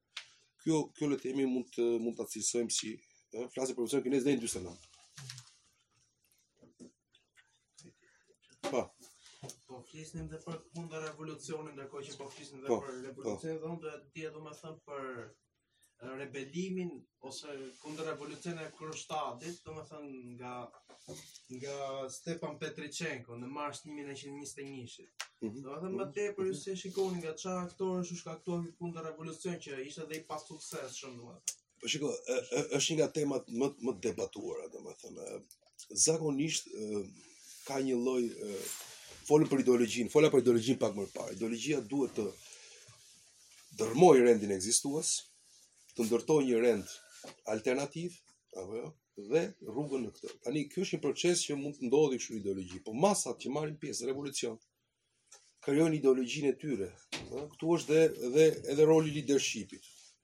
Leadershipi do pikërisht ideologjinë e madhe duhet t'ia thjeshtëzoj. Ëh, për shembull, roli i, le të themi, leadershipit mund të ndahet në tre kategori. Ideologët, që janë ata që formulojnë idetë, agjitatorët, janë ata të cilët këto ide i transmetojnë poshtë dhe organizatorët. Apo ata që pastaj këtë energji që krijohet e kanalizojnë drejt. Tani masat krijojnë ideologjinë e tyre. Apo jo. Rendin e vjetër e përbuzin totalisht dhe fillojnë të imagjinojnë një rend të ri. Krijohet pra një lloj pritshmërie e jashtëzakonshme. Këtë ka çdo revolucion. Çdo revolucion bën që nga njëra anë, njëra anë e medaljes është le të themi dëshpërimi, ana tjetër është shpresa. Apo jo, kalohet nga dëshpërimi më i zi, gati një bipolaritet, në shpresën më, le të themi, situata që do vi do jetë totalisht e ndryshme nga kjo ku jemi, po shumë më mirë. Ndodh që kur rendi i ri revolucionar të vendoset, ndodh pikërisht një lloj ndjesie sikur kjo që po vijnë në pushtet nuk janë ato që na premtuan. Ne prisnim shumë më shumë. Edhe fillon një periudhë tensioni. Zakonisht për shembull termidori apo mendojnë disa studiues është një krijesë në mendjen e këtyre më utopikëve midis revolucionarëve të cilët presin popullorçe, qiqra në hell. Nuk po qiqra në hell nuk i dhe atëherë krijohet një tension ndërmjet elementit më ëndrrimtar ta themi kështu, përdorim këtë termin, po po, po e shoh pikërisht nga këndvështimi zakonisht e përdornin stalinistët.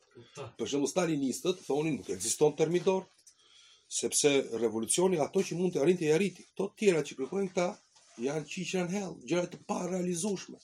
Apo jo Trotsky kërkon gjë gjëra të cilat janë të parealizueshme. Hmm? Kështu që në rastin e Kronstadtit kemi pikërisht këtë divergjencën, këtë divergjencën ndërmjet një pushteti real, le të themi revolucionit real dhe revolucionit të imagjinuar. Apo jo, kjo krijon konflikte Hmm, le të themi, këtu këtu identifikova vetëm atë që është shkaku bazë. Pastaj debati se cili është studiuesit janë shumë të ndarë këtu. Ndërmjet atyre studiuesve që e akuzojnë pikërisht bolshevikët si uzurpatorët e asaj që qe revolucioni popullor. Dhe ndërmjet atyre që janë më simpatikë ndaj bolshevikëve që e shohin pikërisht unë pak a shumë i citova këta kur i pashë apo jo i pashë si utopikë si ëndrrimtarë këta që kërkonin në në kështu që Ky është thelbi i debatit. Po t'i hyj tani unë është një debat shumë i gjatë apo jo, po, domethënë po kjo kjo divergjenca është kryesore dhe këtë e kemi në çdo revolucion. Në çdo në çdo revolucion kemi një le të themi jo në atë shkallë të Kronstadtit. Po le të themi Kronstadta të vegjël. Gjithmonë midis revolucionarëve ata që ishin më ëndrrimtarë të cilët ndjejnë për shembull midis grupeve që përmenda unë, ideologët, agjitatorët dhe këta që janë organizatorët zakonisht kanë tendencë të jenë më konservatorë dhe zakonisht nga këta del grupi i burokracisë, për shembull. Sigurisht unë i ndava në grupe, por i njëjti udhëheqës mund të ketë të tëra rolet. Për shembull Lenini ishte i zoti edhe në si ideolog, edhe si agjitator, edhe si Mao Zedong gjithashtu, edhe si ideolog. Edhe si Stalin ishte i dobët si ideolog, i dobët si agjitator, po i zoti si, le të themi, Trotsky ishte i zoti si ideolog dhe agjitator, si agjitator kryesisht. Po ishte shumë i dobët si organizator. Dhe në fakt edhe ka aq debate, me ushtrinë e kuqe nuk është se po më shumë ishte si tip komisari, nuk është se bëri një punë organizative. Mirë, një pyetje më shpejt tani. Do të të pastaj do shkojmë tek rasti i dhjetorit dhe janarit. Sidomos midis marksistëve, ka është është një problem i madh. Ngjarjet e 1989, 91 janë një problem i madh, domethënë. Sepse ndodh që paska revolucione dhe brenda një rendi socialist, Dhe nuk janë revolucione siç i mendonte Trotski në vitet 30. Se ça ndodhi, Trotski e humbi betejën brenda partisë bolshevike, dhe u dëbua nga bashkimi sovjetik, u përpoq të organizonte dhe nga jashtë bashkimit sovjetik, forca revolucionare, mirëpo Trotski e ngrysi duke thënë që bashkimi sovjetik kish vend kishte nevojë për revolucion politik, por jo shoqëror, sepse mhm. revolucioni i tetorit e kishte siguruar tashmë pushtetin e klasës punëtore, vetëm se përmbi këtë klasë punëtore kishte një burokraci parazitare që po i hante mishin. Kështu që punëtorët na thoshte Trotski do të ngriheshin, do të përmbysnin sundimin politik të burokracisë, por nuk do të përmbysnin socializmin. Po. Thjesht socializmit do t'i jepnin tashmë një fytyrë demokratike. Dhe kjo ka qenë në fakt ëndrra e gjithë majtistëve deri në rënien e Murit të Berlinit që ka nevojë për një revolucion në vendet socialiste, mirëpo ai revolucion do të jetë revolucioni i popullit i masave që do të përmbysë partinë për të vendosur socializmin e vërtetë. Tani ajo që ndodhi është që nuk u përmbys vetëm partia, por u përmbys edhe edhe socializmi. E sigurisht këto revolucione ishin paqësore. Pothuajse gjithkund kanë qenë paqësore. Me kemi përmbysje të mëdha, po që nuk shoqërohen me gjakderdhje kështu masive, domethënë, ëh. Ëh, janë revolucione politike dhe shoqërore, nuk kemi kalimin nga e vjetra tek e reja, po kemi kalimin le të themi nga e reja tek një e vjetër, domethënë për ta thënë me këtë po, po, uh, rendin marksist të gjërave, domethënë kemi kalimin nga socializmi, jo në një gjë të re, ose në një lloj socializmi të vërtetë, por kthim pas në në kapitalizëm, në një rend shoqëror jo kapitalizëm ekzistues. Ose ose dhe kjo do ishte akoma më provokuese, në fakt kemi kalim nga e vjetra tek e reja. Ose më sa, kemi një kalim po marrim rastin shqiptar tani. Kemi një kalim në 44 nga e vjetra tek një gjysmë e re. Mhm. Dhe kjo ka shërbyer pastaj si trampolinë disa dekadëshe për themelimin e një të reje të re. Praktikisht, kapitalizmi shqiptar që themelohet në 1991-1992 e ka origjinën në 44. Po. Do të thotë komunistët janë agjentët po, e pavetëdijshëm në fakt ka një paralelizëm historik, sepse kapitalizmi të mund të marrim revolucionin anglez, i cili në vitet 40 le të themi është i dhunshëm dhe në vitin 1689 prodhoi atë që njihet si revolucioni i lavdishëm, apo jo, që nuk kishte gjak. Zakonisht unë kam pasur gjithmonë dëshirë t'i shoh ngjarjet e viteve 89-91 si një lloj përsëritje e revolucionit anglez. Apo jo sikur ndryshimi thelbësor kryesor shoqëror ka ndodhur gjatë viteve 40 dhe ku le të themi në rastin e Rusisë në në 1917-ën dhe ku le të themi fundi i tij historik ishte në prandaj mund të kur them do një kohë historike për t'i parë revolucionet Tani me këtë arsye po diskutojmë me Alin, i bie që revolucioni që lindi i 17-s, të ketë qenë një revolucion borgjez. Apo jo. Vetëm se ndryshe nga teza siç e prisni që ishte borgjeze pastaj socialist, ishte socialiste pastaj doli borgjeze. Kështu që është një lloj në këtë drejtim mund të mund të. Po, jo, mund të mendohet se kështu, kjo është tezë provokuese, hedhin herë pas here ca ca mendimtarë, mendohet kësisoj që për shembull një vend si Shqipëria, kur nuk do të kishte një revolucion të mirëfilltë borgjez. kuptimin, ku di unë, të llojit të francez, për faktin janë vende periferike tërësisht të pazhvilluara e, e gjëra të kësaj natyre, kështu ekziston nevoja për një shkundje të fortë. Është ajo teza pra që kush ta bënte revolucionin borgjez në mungesë të një borgjezie. Apo jo. Dhe këtu i bie që revolucioni borgjez ta kanë bërë masat fshatare, kanë pasur rolin kryesor të të tyre. Dhe pastaj kemi krijimin e një borgjezie, pa po kemi revolucionin borgjez, pa krijimin e një borgjezie. Në debatin për revolucionin francez, ajo që është marksizmi politik, mm. thotë që kemi një revolucion politik pa le të themi ardhjen në pushtet të borgjezisë. Kështu që e, e po hyjmë në një në debatet të të ngushta të shkollës marksiste zakonisht mbi revolucionin, domethënë, unë gjatë gjithë referatit tim u përpoqa që mendova që jeni e keni cekur këto dhe u përpoqa që të fus sa më shumë mendimtarë të tipit të le të themi liberalë dhe konservatorë për revolucionin, sepse duhet patur parasysh edhe teoritë e, e këtyre. Ky debat që kam me Alidin është një debat shumë i thellë që ka të bëjë me zakonisht marksistët e kanë kësi.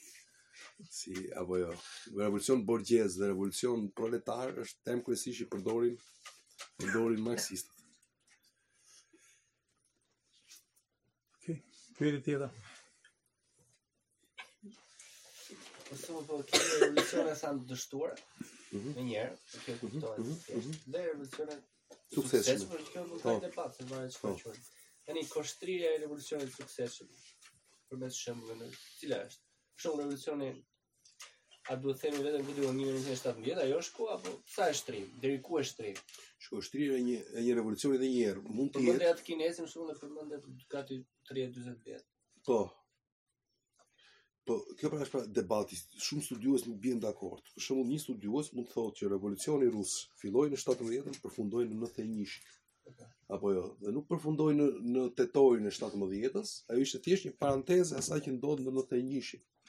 Apo jo.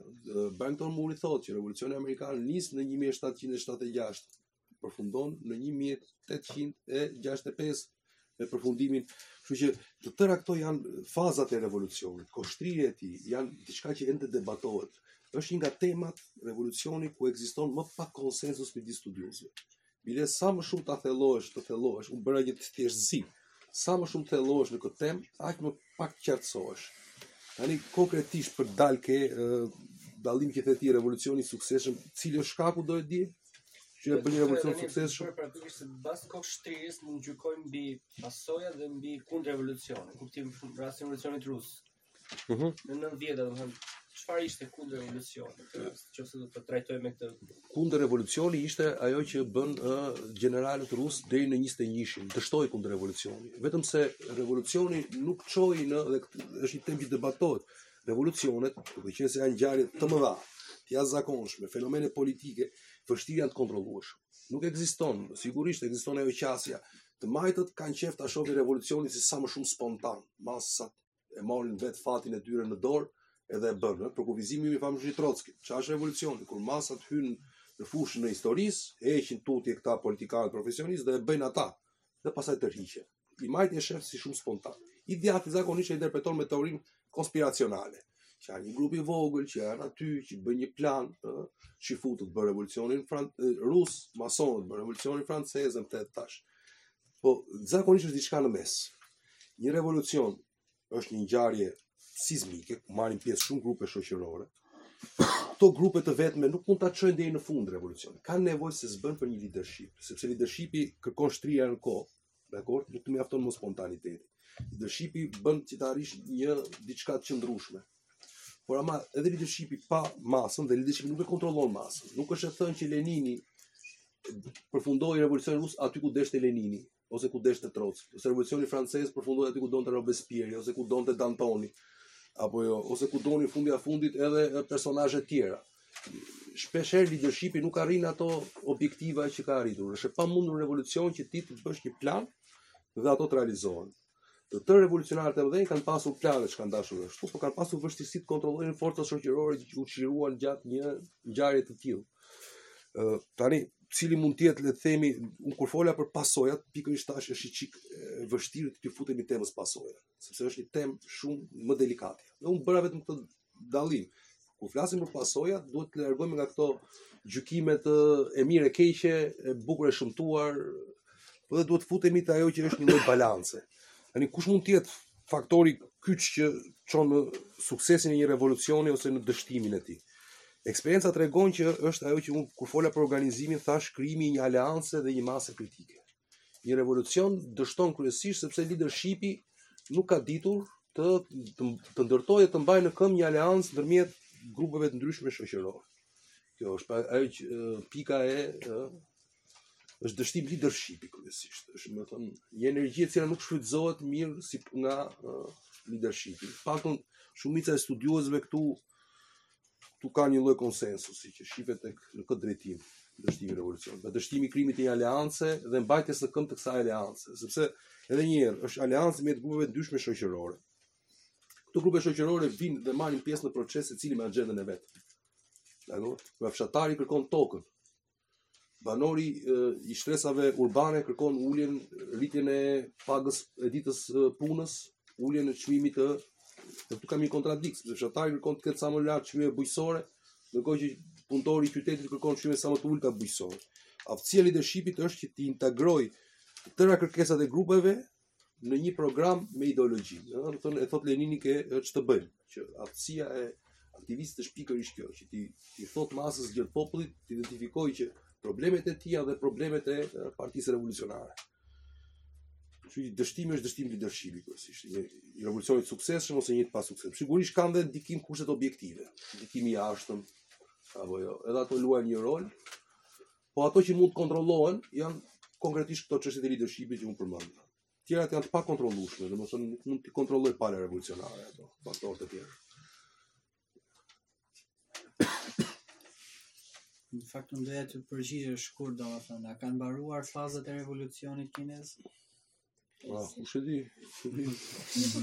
Revolucioni kinez po shkon tani drejt asaj që u shfaq në Europën Lindore. Domethënë nisi si një revolucion i tipit socialist dhe me kalimin e kohës po përfundon si një revolucion borgjez. Kështu që mund të themi që Mao Ce Duni është çik paradoksale, është revol... babai i revolucionit borgjez kinez. është ende ende shpejt për ta thënë, do ndodhi dhe në Kinë pak a shumë ajo ose do ndodhi në Kore, ajo që ndodhi në Europën Lindore. Pikërisht tema që hapi hapi Arlindi për debat, domethënë. A kemi një revolucion borgjez për së mbrapshi? Po, mund të themi. Kjo ha debat. Është është një ngjarje që ha shumë debat. Komplekse sigurisht. Kam së të bëhet e të pasat të lëmë të. Dua të raportin e aktivistit me organizatën edhe me shoqërinë, domethënë ta sharën pak se në qoftë se raporti Jo, marrëdhënia e aktivistit ngel thjesht në organizatën edhe nuk del në shoqëri mund të përfundojë në një farë sektarizmi. Ama nëse kalojmë vetëm me marrjen pjesë në shoqëri, harrohet tamam qëllimi fillestar. Dhe mhm. cila është kjo ky raporti që duhet të mbahet, domethënë kjo mesatarja e artë që të jetë në të jetë më i frytshëm domethënë në në tentativën e tij për të organizuar. Shiko, duhet të kesh kupton kështu. Ja të të jap një rast konkret. Imagjino një bolshevik që është kësaj përmendje Kronstadtin, është në Kronstadt. Dakord, është i dërguar i, i organizatës në Kronstadt. Tani ai duhet të jetë, nga një anë duhet e para të jetë Bolshevik, dy, vend të dytë vjen, marinar i Kronshtatit. Nuk mund të jetë e kundërta, të jetë marinar i Kronshtatit, pra duhet kryesisht të ketë qartësinë, urdhrin e qendrës lart, jo të lokalizohet, të shofi vetëm pikturën e vogël atje. Dakord, duhet të jetë pra nga njëra anë, kemi një frymë grupi, po pa u sektarizuar, pa u mbyllur, po përkundrazi, të integrohen në shoqëri. Kjo është teza pak a shumë si e shifshin bolshevikët, kështu e shifshin bolshevikët dhe si model ky doli, rezultoi i suksesshëm. Të njëjtën gjë bënin dhe jakobinët. Edhe jakobinët të kishin klubet e tyre, dakord? Pastaj futeshin në shoqërinë më të gjerë, futeshin në ato krijuan institucione paralele, komunën e Parisit e shpikën jakobinët. Apo jo. ku jakobinët luanin rolin kryesor. Pra, organizimi këto dy funksione kryesore ka gjatë një procesi revolucionar. Të ruajë unitetin e, e grupit, po njëkohësisht duke shërbyer funksion, se ky është funksioni i leadershipit praktikisht, që t'i udhëheqë masat drejt një objektive politike të caktuar. Dhe elementi i dytë, ndërtimi i le të themi i institucioneve paralele. Në rastin e revolucionit francez kemi të bëjmë me komunën e Parisit. Apo jo, që shërbeu si një lloj kundërpeshë ndaj asamblesë parlamentare që kontrollohej nga krahu më i djathtë i borgjezisë, dhe në rastin e revolucionit rus kemi sovjetët që shërbyen si një kundërpeshë ndaj qeverisë provizore. Apo nuk e di, a, a isha i qartë, Po është një pak fundësisht te tema e te te studentët, po. pak. Po, po dalim te. Duke, duke na ndihmuar të zotërojmë aparatin uh, konceptual të leximit së paku të situatave revolucionare, uh, në moment me Edisonin pamë që donim të bënim po të njëjtën pyetje. Um, ajo që ndodhi, në fakt, ishte revoltë studentore. Uh, pikërisht se kishte në fakt masë, por nuk kishte objektiva, le të themi, të qarta për të rrëzuar pushtetin. Ndërkohë, gjatë gjatë situatave atje vinim re që tentativave për të marrë hapin e mëtejshëm mbylleshin po në atë moment që merreshin si iniciativë. Domethënë, për nuk, nuk e kalonin cakun e të thënit në vesh një ide që do kishin për, për ta shtyrë pak mëtej. Mm -hmm. Ajo që do më interesonte është cili do të ishte hapi cilësor së paku për ta kaluar vetëm pragun e revoltës. Ja mi, ta fillojmë nga fillimi. Uh, një, a është revoltë. Revolta zakonisht karakterizohet si një diçka spontane e, e cilësuar. Revoltë urbane mund ta cilësonim kështu po. A është revoltë? Revolta ka elementin e dhunës. Apo jo. Po, e studentëve nuk pati dhunë. Mhm. Nuk pati dhunë sepse pati një lloj hegjemonie shoqërore të atillë, sa, le themi, nuk, nuk pati nevojë të pas të kishte dhunë. Nuk pati nevojë të kishte dhunë. Më di, ti e ke thënë, që pa një gur, pa gjuajtur një gur, apo jo arritën, thyer xhami, po, po. apo jo, pra, që, që këtu fillon problemi konceptual, ku do ta klasifikoni? A është një revolucion, ku e dimë ne, sapo ka filluar? Dakord? A do arrijen studentët të bëhen, po mos harroni që nëse ngel vetëm studentore, nuk ka shans të quhet revolucion. Dakord? Sepse duhet të jenë studentët që shërbejnë si një lloj leadershipi edhe një të grupeve të tjera shoqërore drejt një objektivi politik duhet marrë pushtetin politik dhe pasi të marrë pushtetin politik nuk është thjesht të marrë pushtetin politik si thoshte Trotsky që mjafton marrë pushtetin politik se atë shoqërore kemi zgjidhur duhet pushteti politik të përdoret për të sjellë ndryshime të thella shoqërore. Mhm. Që zakonisht aty do hasin një lloj rezistence të jashtëzakonshme nga ana e forcave shoqërore dhe politike ekzistuese, gjë e cila aty fillon edhe mbars dhunë. Apo dhuna është produkt pikërisht i kësaj, ku kemi një implementim të ndryshimit shoqëror dhe si pasojë reaksionit të grupeve konservatore që kishin pushtetin deri në në tani që këtu fillon e para si mund ta cilësojmë tani si me një protestë studentore që sigurisht lindi spontanisht apo jo po që rrënjët e saj janë sigurisht më të thella që mhm. rrënjët mund të ndajmë në shkaqe afatgjata shkaqe afatshkurtra zakonisht me një kolegun tim në fakultet ne kemi përdorur atë që njihet si kurba e Xhejt. Ë kurba e Xhejt është një lloj studiuesi amerikan Davisi, i cili thotë që krijohet një lloj disniveli ndërmjet pritshmërive që krijojnë njerëzit dhe aftësisë së një shoqërie për të plotësuar ato pritshmëri. Zakonisht e përdorin psikologët social këtë për të shpjeguar shpërthimin e revolucionit. Pra, le të themi rinia shqiptare krijon disa pritshmëri, të cilat shoqëria nuk arrin. Dhe kjo prodhon një lloj ndjenje frustracioni që sjell pastaj le të themi protestën. Apo jo, pra mund ta interpretojmë për shembull atë që ndodhi me këtë. Mirëpo këtu do të ndjekim vetëm këtë shtegun, ju e patë që unë përmenda disa shkolla që mhm. merren me studimin e revolucionit. Shkolla psikologjike, qoftë ajo që shef ke individi i veçantë që merr pjesë, pra karakteri i atij që është aktivisti revolucionar klasik.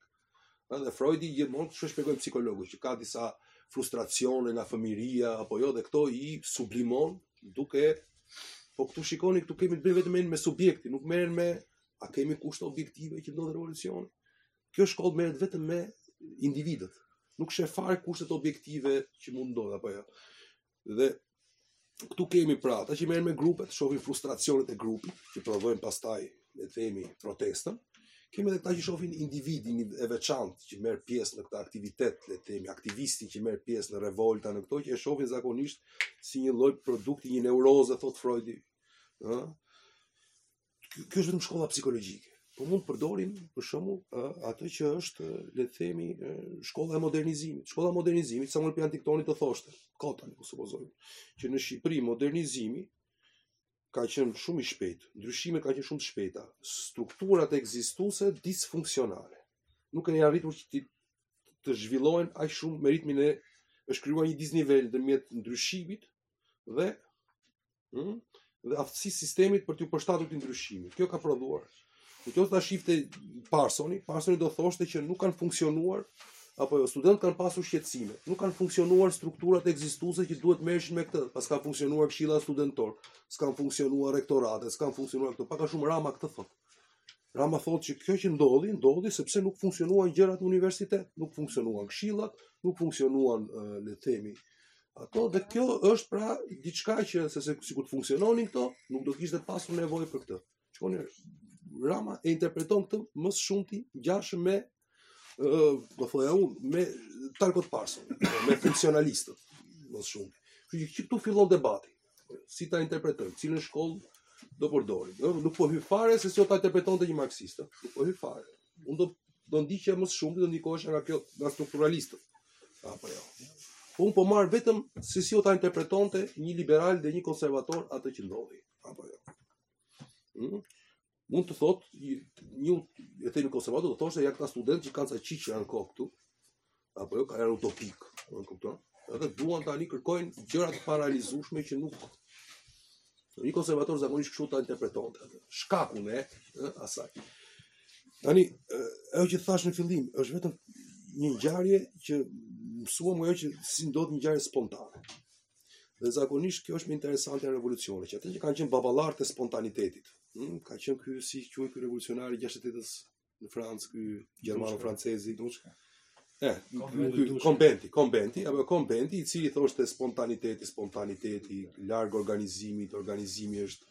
Revolucionarët e 68-s në Francë ishin pikërisht këta që kultin e spontanitetit e dhe pikërisht këta Blanki, që kanë dështuar gjithmonë që të le të themi të krijojnë kushte të paktën për një revoltë spontane.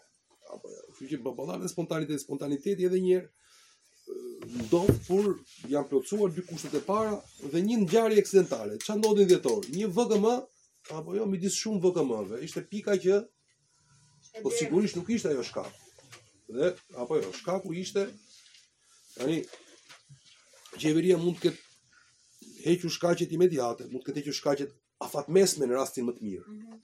Po shkaqet afatgjata. Mm -hmm. Konkretisht, revolta studentore, të themi, përdor termin revoltë, jo? megjithëse pashë që të përdorim në thojza, sepse mund të mos jetë, nuk ka element që mund ta fusim ke revoltë. Po sikur revolta të ketë qenë në të vërtetë një pasqyrim i një problemi social më të thellë, fakti që ekonomia jonë nuk mundëson që rinia të ketë një nivel shkollimi dhe jetese të tillë. Apo këtë kjo është një problem madhor afatgjatë. Mm -hmm. Të cilën le të themi pushteti e ka të vështirë apo rë të gjejë dhe të gjejë dhe zgjidhjen apo jo. Kështu që ë uh, çik të mund ta nisim te fillimi apo jo. Le më pastaj te aktorët, po u futëm tek aktorët, kështu që po doni mund të kalojmë në faza të tjera, nuk e di kush ka ndonjë pyetje për gjëra të tjera. Të vazhdojmë te paralelizmin me lëvizjen studentore dhe koncepteve që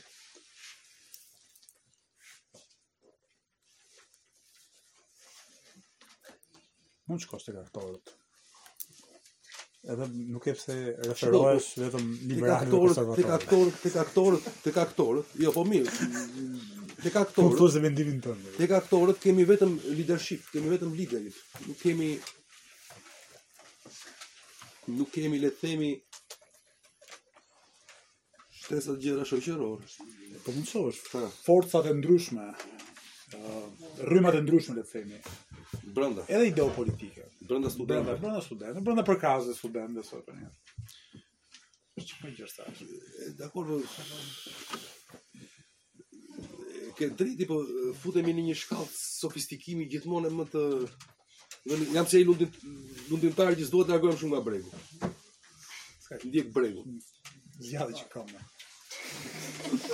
Shkoj më thërë. Po mirë, shikoni. Në qofë se ndalojmë, me thënë, tek ato që janë aktorët kryesorë. Ngjarjet e dhjetor janarit patën disa grupe mund t'i ndajmë. Dhe një studentët, dy, le të themi punonjësit akademikë, tre, intelektualë më matan, dhe lëvizja intelektuale matan universitetit, ndoshta më gjerë, Po që unë nuk nuk mund të fus grupe të tjera shoqërore brenda aty. Nuk patëm, shikoni, merrni revolucionin e 68-s në Francë. Aty pati u fut marshi i dytë ta themi kështu. Pati një lloj mobilizimi masiv nga studentët kaloi dhe ke punëtoria. Apo jo. Dhe e, De Gaulle e shujti zjarrin duke i bërë thirrje, le të themi, masave të gjëra të shoqërisë franceze. fshatarësisë kryesisht, si revolucionet e mëpashme franceze ku fshatarësia shërbeu si zjarrfikëse. Apo jo vetëm duke kër, kër, bërë zgjedhje të parakoshme, duke vendosur si alternativë ose golizmin ose le të themi totalitarizmin, De Goli mundi të çajë, në rastin 68 ndodhi kjo ngjizje ndërmjet studentëve dhe punëtorisë. Ktu ende nuk dihet a do ndodhi. Ktu ende nuk dihet a do ndodhi. Mund të ndodhi, Po për momentin nuk ka ndodhur. Nuk është nuk është nuk u përhap edhe në le të themi ato që janë sektorë të tjerë që fillojmë të flasim këtu tani për revolucion. Për momentin mund të flasim për një nisje formën e një proteste, nuk e di, mund të përdor termin protestë. Ose revoltë. Ai pengoi fakti që nuk pati dhunë, domethënë një pjesë e njerëzve që lexuan nga jashtë situatën thonë që po të kishte pasur qoftë edhe një indicie të vogël, një përballje të studentëve me me policët fjala bie, aty do kishin reaguar edhe shtresat e tjera. Ku di unë, fjala bie. Ajo do shkaktonte, shiko pra do shkaktonte një revoltë të madhe. Hipotetikisht po them. Ajo do ajo do rriste shkallën e revoltës. Mhm. Edhe një herë, ëh. Kur bëjmë një revolucion, duhet edhe një rol lidershipi. Pra duhet të, të ketë lidershipi, duhet të shofim një lidhje ndërmjet studentëve dhe kategorive tjera shoqërore. Apo jo. Përmjet asaj që u tha, krijimi i një aleance, krijimi i një mase kritike. Apo jo. Kjo ngelet për të parë do ndodhi në rastin e Shqipërisë. Po që kur të flasim këtë, duhet njëherë të kemi bërë analizën e kushteve të thella, pra Pyetja e parë, a janë plotësuar kushtet e thella në Shqipëri që jemi në nisje të një fenomeni revolucionar? Po afatmesmet, a janë hmm? Dakord? Pastaj fillojmë dhe qoftë se biem dakord që këto janë plotësuar dhe kemi nisje, ose pa të interpretojmë që kemi nisje një proces revolucionar, atëherë duhet të shohim hapat konkretë, hapi konkret është pikërisht ky ku studenti shërben si një lloj katalizatori apo jo në dhe të krijojë ndërmjet grupeve të ndryshme shoqërore, çfarë bënë fundja fundit në qoftë se po e marr për revolucion atë të 91-shit në Shqipëri. Studentët gjetën shërbyen si një lloj leadershipi ku u fut punëtoria e masave urbane, elementet e pakënaqur të inteligjencës më të gjerë apo jo, kishte dhe pedagogë aty bashkë me studentët. Kishte edhe kërkues shkencorë, gazetarë. Dhe grupi tjetër madhor ishte fshatarësia. Dakord, pra studenti shërbeu pikërisht në këtë, luajti rolin e leadershipit në kalimin nga një situatë në një tjetër. Po në të njëjtën edhe një mund të hajë debat, a qe revolucion, sigurisht ndryshimet që solli ishin tipit e themi që mund të krahasohen me ato të një revolucioni, ndryshimi sistemit ekonomik, politik, etj etj. Po mund përdoret edhe një lloj kompromisi si rasti i revolucionit të lavdishëm anglez. Në qoftë se pranojmë se qe revolucion ai i lavdishmi anglez i 1689-s, atëherë mund të cilësojmë si revolucion edhe këtë të 1991-shit. Kështu që është diçka që debatohet, po Mos s'e di pse jo. Mund ta konsiderojmë atë. Po nuk e di e kuptove rolin konkret të leadershipit që mund të bëjë studenti. Tani studenti mund të bëjë të njëjtën gjë apo jo? Po, që të quhet revolucion, do të kemi ndryshime edhe një herë, jo vetëm të marrë pushtetin. Po të fillojë të ndryshojë, do të kemi edhe ndryshime ekonomike, kulturore, ideologjike e tjera apo jo. Dhe aty ngelet pyetja tjetër pastaj, a do i mbijetojë një tentative kundërrevolucionare? apo jo, se mund prapë të përfundojë dështuar, ose mund të ketë sukses për një moment edhe, se Arlindi e hapi këtë temën tani që është shumë interesante, mas disa vitesh fillojë të prodhojë një, kështu që kjo është pika kyçe, kalimi nga çështja studentore tek një çështje shoqërore, apo jo, a do, a do, a do shërbejë në këtë drejtim, a do kemi këtë.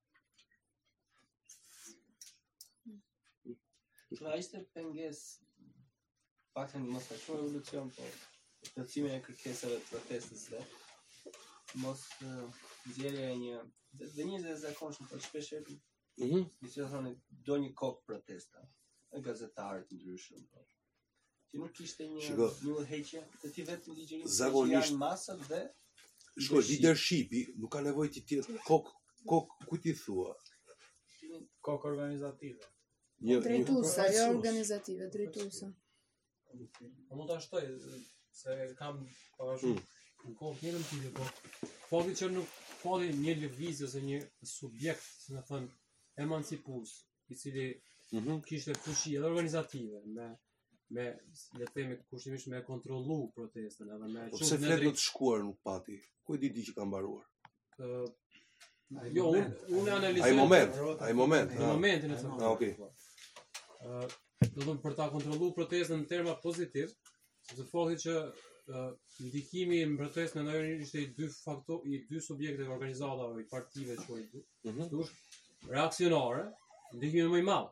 Mm -hmm. Si dy parti reaksionare, si cilat për fat keq kanë peshë edhe organizative edhe ndikuese.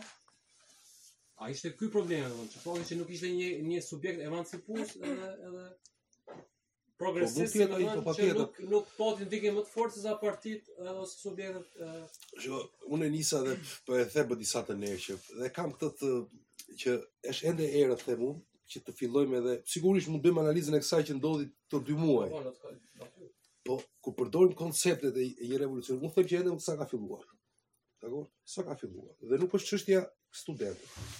Studentët nuk u ndikuan fare nga partitë politike. Studentët ishin çështja është a do bëhet lëvizja studentore që të, të pusi brenda, të mobilizojë grupe shoqërore të cilat kanë shumë më peshë Dakor, punëtorinë kryesisht. Masat urbane, të qytetarëve të vegjël, apo jo.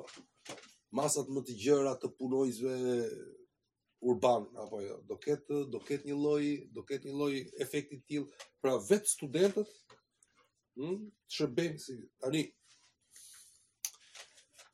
Mendoj se është herët. Herët e kjo, tani a ka, a, a qe pengesë, sigurt që është pengesë. Shiko, spontaniteti shërben vetëm se ka fuqi, por nuk ka, është, është ka nevojë për udhëheqje, një kur shtrihet në kohë çështja, dakord, kur shtrihet në kohë, kur ke përballë dikë që është organizuar, ti duhet të jesh i organizuar se s'bën. Apo këto janë klasike pikat e dobëta të revoltës. Që i mungon leadershipi, i mungon një ideologji që t'i përbashkojë të gjithë ata që marrin pjesë në këtë veprim kolektiv. Dhe po këto krijohen me kohë, shiko, edhe në në kur filloi revolucioni francez, nuk është se pati në një grup që kishte kontrollin si fillim. Apo jo. Ja. Kur ndodhi revolucioni rus? Nuk është se pati dikush në një grup që fillim kishte kontrollin e kësaj. Është një proces që fillon dhe shifet në dinamikën e vet, domethënë. Unë mendoj se hapi i parë që duhet ndërmarrim dhe ku mund të debatojmë çik më me siguri është a kemi a jemi në parakushtet e një situate revolucionare. Kjo është që tu mund të ketë. Pastaj dinamika e situatës është ende shpejt mendoj. Po mund të debatojmë për parakushtet. Për parakushtet. Këtu kemi një lloj Hmm? Kështu që vëmendja mund të jetë ke shkaqet e një revolucioni të qihen. A, a kemi në rastin e shoqërisë tonë për shembull? Dhe a mund të jetë protesta studentore një lloj dalje në skenë e, e, e një fenomeni tipit revolucionar? Po, po ka kërkon një lloj studimi, një lloj analize që sigurisht do çik punë. Punë kërkimore politike.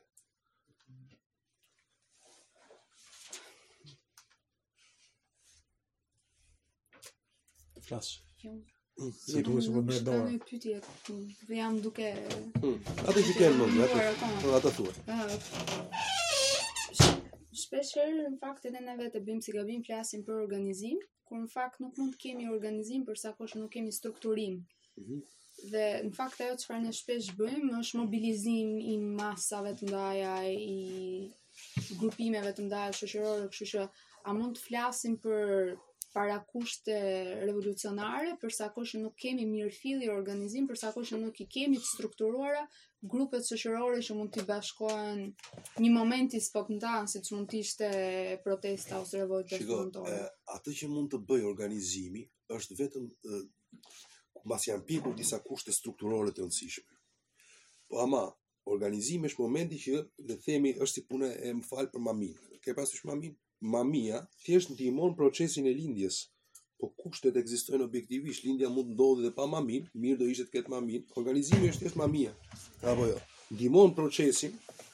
Ëh, kjo është pak një qasje që unë kam, që të ndihmoj. Kështu që në qoftë se ekzistojnë parakushtet, hapi i dytë pastaj është organizimi.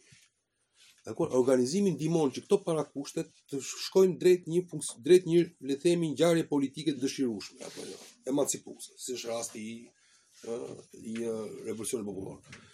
Po duhet studiuar një herë parakushtet, ajo që thash po flisja me Janin po para, parakushtet. Qofse ekzistojnë, të biem dakord pas një studimi të mirëfilltë që kemi shanse të mira parakushtet apo jo treguesit janë të tërë. Aty pastaj ka një rol të rëndësishëm organizimi. organizim. Sepse pa organizim, edhe sikur të kemi le të themi kushte, do jetë vështirë që të lindi. Momenti, eh, mund të kalojë momenti, mundet të shfrytëzohet për një le të themi diçka tjetër, po kjo është kjo është thelbi, nuk e di në të kuptova. Parakushti pa pastaj organizimi. Aty pastaj është organizimi i rëndësishëm, pasi janë krijuar parakushtet. Mos do të thotë duhet të fillojë organizimi pavarësisht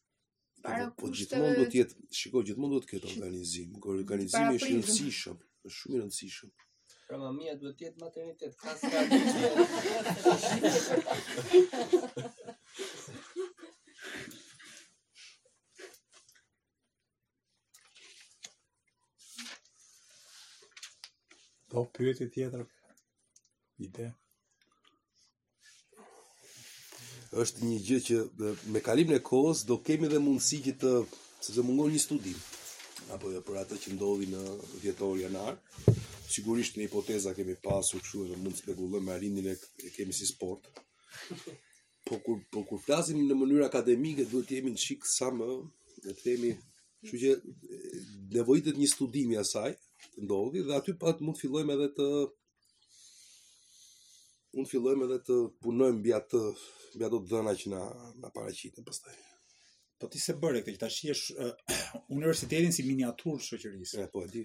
Nuk e bëre. Domethënë ti the studentët dhe derisa studentët nuk bashkohen me grupe më të mëdha dhe më të rëndësishme shoqërore si punëtorë, çfarë, ku di unë, dyqanxhinj, Që i përdorim termin revolucion brenda universitetit. Ajo që unë po shtyja ose nxisja është që ta shohim universitetin, sigurisht, me gjithë problemet e mundshme të këtij reduktimi, mm -hmm. si një lloj miniature të shoqërisë. Domethënë ajo që ndodh brenda universitetit, pasqyrohet pastaj në fushë të gjerë, tek tek shoqëria, sepse universiteti është deri diku përfaqësues i shoqërisë, nuk është i tërë shoqërisë, po Universiteti vazhdon të jetë ende një hapësirë ku ka vend për të varfrit. Mhm. Mm Le të themi. Domethënë uh, Universiteti është vend ku ka është vendi ku ka bën pjesë shtresa e mesme, po ka edhe njerëz të pasur, o, mhm. studentë që mhm. vijnë nga familje të pasura. Të paktën universitetet private janë me sa duket janë vendi ku të pasurit shkollojnë apo thjesht pajisin me diplomë le të themi fëmijët e tyre.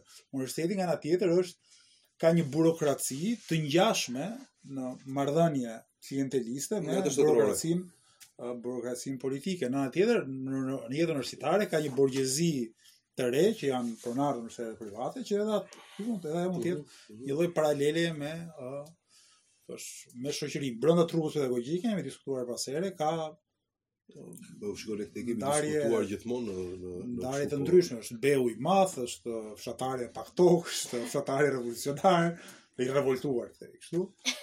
Është ai që është aty në mes që pret nga do nga do anoj. Midis studentëve është një ishte interesant konflikt që u hap në janar, ku një pjesë donte të hynte në mësim. Mm. Ose si brenda studentëve, është momenti i parë i revolucionit të të gjithëve, 1789 apo themi kështu, mm -hmm. ku janë gjithë studentët bashkë, është ai momenti i javëve të fundit të dhjetorit ku kontradikta zhvendoset brenda për brenda vetë studentëve, ku kemi një lloj vandeje ta quajmë kështu, konservatore reaksionare që ngrihet mm -hmm. ose po tenton të të, të organizohet të, për të çar rrethimin, po themi për të po. futur për të futur në mësim. Dhe kemi tentativën për një lloj larje hesapesh politike brenda për brenda kampit të atyre që deri dje ishin së bashku në revoltë. Ti e the që në fillim, nëse marrim revolucionin si do të universitetin si një shoqëri apo jo? Si miniaturë. Si miniaturë, pra që shoqëria fillon brenda te universiteti, sigurisht këtu mund të bëjmë një analizë të tillë, pra të supozojmë cili luan rolin e punëtorit këtu, cili luan rolin e le të themi borgjezit këtu, cili luan rolin e kundërrevolucionarit këtu. Kjo mund të ndodhë, apo jo? Po më shumë debati ishte për atë që është fusha e madhe, sigurisht po mund ta bëjmë në fushën e vogël. Tani, shiko, në fushën e vogël është një fenomen që për shembull mund të identifikojmë një lloj që edhe këtu kemi vetëm një përqindje të vogël studentë apo jo. Sa mund të kenë qenë sa mund të kenë qenë në shesh në te Ministria e Arsimit dhe në universitetet e rretheve. Në 100 në 160000 sa është numri i studentëve në rang republike? Sa mijë ka publike? 123000. 123000. Mm. Në shesh sa mund të ishin dhe në rrethe që dolën protestuan ditët e dhjetorit? Mund të ishin te 30? Gjithsej, gjithsej, pra Tiranë plus apo jo? Po. Apo jo, këtu përqindja është tipike tipike e një revolucioni, revolucion. Revolucionet e mëdha kaq mobilizojnë aktivisht. Aktivisht. Jo më shumë se 10%, domethënë 10% që është një shifër shumë e mirë. Apo jo. Ë këtu po, pra këtu kemi këtu kemi këtë kriterin e parë. Mund ta bëjmë krahasimin. 2. A kemi le të themi marrjen e pushtetit brenda universitetit nga forcat e reja. Jo. Mm. Jo. A kemi krijimin e aleancave? Po, a kemi tentativa për leadership? Po, këtu jemi përpjekur të bëjmë aty në këto, kështu që po uh, un gjithmonë e kam qejf faktin që po zona lindi dhe kemi bërë si sport, po them që dhe i kam thënë atë kur diskutonim që duhet të bëjmë një studim më të thelluar që të jemi më të sigurt në atë që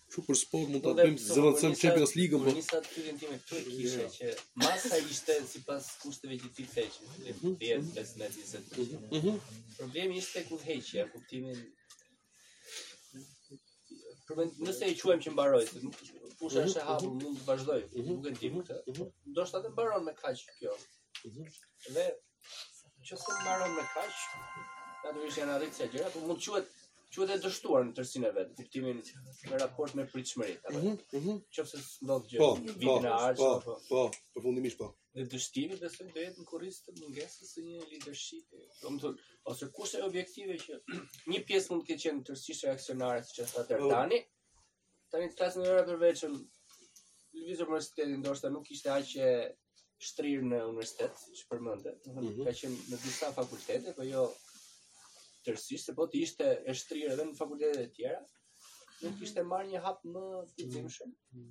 Shiko, po Lëvizja bëri hapa shumë shumë strategjik në janar, s'kam Aleanca u bë me grupet e ndryshme.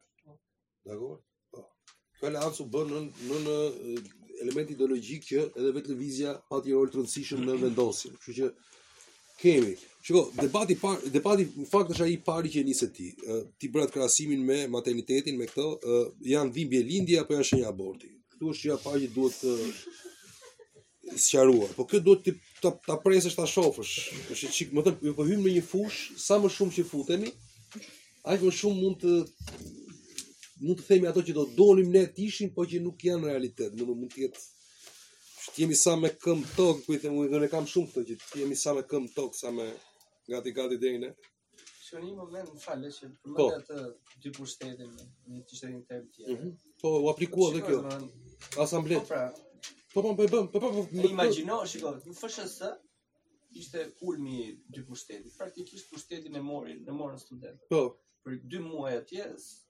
nuk ishte dekani pushtet apo. Po. Imagjino sikur organizimi të ishte shtrirë familja të ishte gati në këtë formë në të gjitha fakultetet e tjera. Do kishim patjetër një Shiko, asamblen pikërisht e menduan për këtë për të krijuar një një një lloj forme dhe gjithmonë këto dy pushtetet lindin shumë nga mund të lindin si sovjetët, po po revolucionarët francezë gjetën institucione që i kishte ishin atje dhe që ato i veshin me një rëndësi, domethënë komuna është sikur këshilli bashkiak i Tiranës, më fal, apo jo që është këshilli bashkiak i Tiranës, mm -hmm. të jetë më i rëndësishëm se parlamenti i Republikës. Kjo është një situatë jakobine. Pse? Sepse përdoret ky institucion pikërisht për le të themi këtu e kemi po elementin e dypushtetit ja ky është që që ti e nuhate me saktësi. krijimin e një lloj le të themi pushteti alternativ paralel me, me të parin. Po. Po të ishte në nivel universiteti thotë, në nivel universiteti. Po si do pranonte shteti ekzistencën e jo atyre që janë në ligjet e arsimit të lartë, po institucione paralele.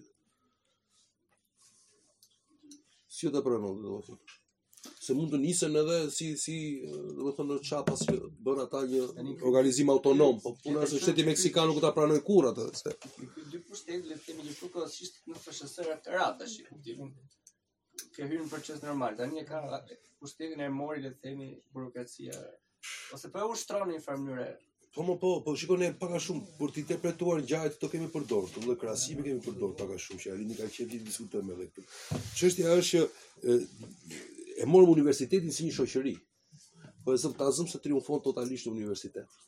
A mund të ekzistojë në një shoqëri Le të themi të pandryshuar nga që studentët të bëjnë revolucion vetëm për botën e tyre, bëjnë universitetin, ta bëjnë universitetin si duan ata, pa patur impakt te shoqëria më e gjerë. Kishim kërkesa, kishim arsim falas, buxhetin, ligjin, tani në këtë kuptim. Shiko, një një dikush mund të thotë këtë, arsimin falas ti e kishe, kështu që kjo është një revoltë për t'u kthyer në një situatë status quo ante. Pra ti kishe, le të themi, një situatë ku të lejohej arsimi publik, ça të ndodhi, të ndodhi një ligje qeveritare të cilat ta kufizonin këtë të drejtë, dhe ti u rebelove për ta rikthyer situatën status quo ante. Pra, shiko, revolucioni anglez, për shembull, dhe amerikan, nuk, nuk është se nisi si revolucioni francez, mbi një shoqëri tjetër të re, nisën për rikthimin ke e vjetra, ke vlerat e të parëve që na janë shkelur nga një tiran. Amerikanët thonin vlerat që i kanë çdo britanik, edhe ne duhet t'i kemi, por nuk na i mohon këtu në koloni. Revolucioni anglez donin të ktheheshin tek ajo që ishte liria klasike angleze. Këto dy revolucione nuk kanë pasur të thonë një sistem ndryshe të menduar dhe deri aty po shkoj. Kështu që mund të interpretohet si një lloj revolte kjo, revoltë që kërkon që masat popullore nuk durojnë dot më këtë barrën e detyrimeve ekonomike etj etj dhe kërkojnë të rikthehen në një apo jo situatë me më shumë të drejta vote, demokracie, siç ishin dhe ca kërkesa të tjera. Që... Eh, aty pastaj kemi elemente e leadershipit, që po aty ti ke leadershipin, që ti fillon dhe kanalizon një projekt politik të mirëfilltë, në kërkesa tipike, apo jo, Ti pastaj është zakonisht gjithë pedagogët të tmerrohen nga kjo 50% e votës. Ju duket do sigurisht pra atë aty edhe kur Alindi thotë ta 25% e pedagogëve edhe ata që mund të jenë dashamirës në gjithë kërkesat e tjera, kur vjen puna te vota. Po këtu kemi pra një aleancë ku pak a shumë dhe këtë ka qejf Alindi me Brasilin. Pedagogu është në rolin e borgjezisë. Borgjezia është me masat popullore derisa të rrëzojmë aristokracinë. Dakord? Pra të zhdukim një ligj arsimi neoliberal. Këtu janë bashkë. Dakord? Ama me të rënë ligji neoliberal, dakord? E zëmë se rikthehet ligji i vjetër i 2005-s, para 2007-s. Dakord? Pedagogu do kërkojë që të ruajë këtë lloj le të themi funksionimi jo demokratik brenda. Pra mund të përdorë demokracinë për ta mobilizuar studentin kundër ligjit, por pastaj mund në mes të rrugës të ndryshojë të bëhet nga revolucionar, pak a shumë si borgjezia. Është revolucionare derisa realizon interesat e saj. Dhe menjëherë pastaj hidhet në kthehet në forcë kundërrevolucionare. këtë leximin marksist. Jo vetëm, jo vetëm. Po unë sot vendosa që ta shifsha nga le të themi në kuptimin akademik më të gjerë. Pa ndaluar dhe në qoftë se vini re, unë nuk ndalova fare fare ke ke qasja marksiste. Mund ta lë për një moment të dytë. Ti zhvrejti. Ti thua mirë këtë pra që që revolucion nga unë e sipër thotë. Domethënë pedagogu thotë revolucion nga unë e sipër. Poshtë dekani, poshtë rektori. Po. Po jo nga Po jo, ti je para barkë studenti do të thotë që më vet kështu. Nga unë e sipër revolucion e demokraci, nga unë e poshtë do të thotë studenti ngaqë është në fund. Nuk ka alternativë tjetër se ai vetëm nga unë e sipër ka, nuk ka ku mban aty poshtë, e prandaj studenti është dhe forca më revolucionare për për universitetin. Revolucioni proletar do jetë i pari që bëhet një revolucion nga dhe për interes të një shumice. Të gjitha revolucionet e tjera thotë janë revolucione që mund të bëhen nga masa më popullore, por gjithmonë për interes të një pakice. Apo jo. Dhe ky krahasim që bëni që studenti kur e shef apo jo, e shef pikërisht këtë që është forca kryesore që kur ngrihet për interesin e vet, ngrihet për interesin e shumicës dërmuese. Kështu që këtu mund të luajë rolin dhe këtë pra bëjmë këtë paralelizëm me proletariatin. Mund me shtu një gja? Po, po. Ty t'ja fundit, po. Ty t'u mbaj. Nga pikone e ime, domethonë, me qanë gjova, me qanë gjova ide, është se si fillim nisi si një frymë revolucionare për me ndryshu sistemin arsimor, mm -hmm. e tjere, e tjere.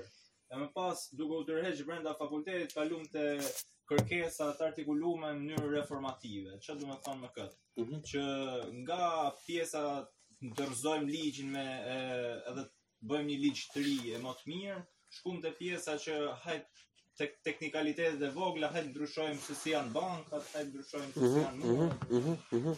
A nuk mendon se, dhe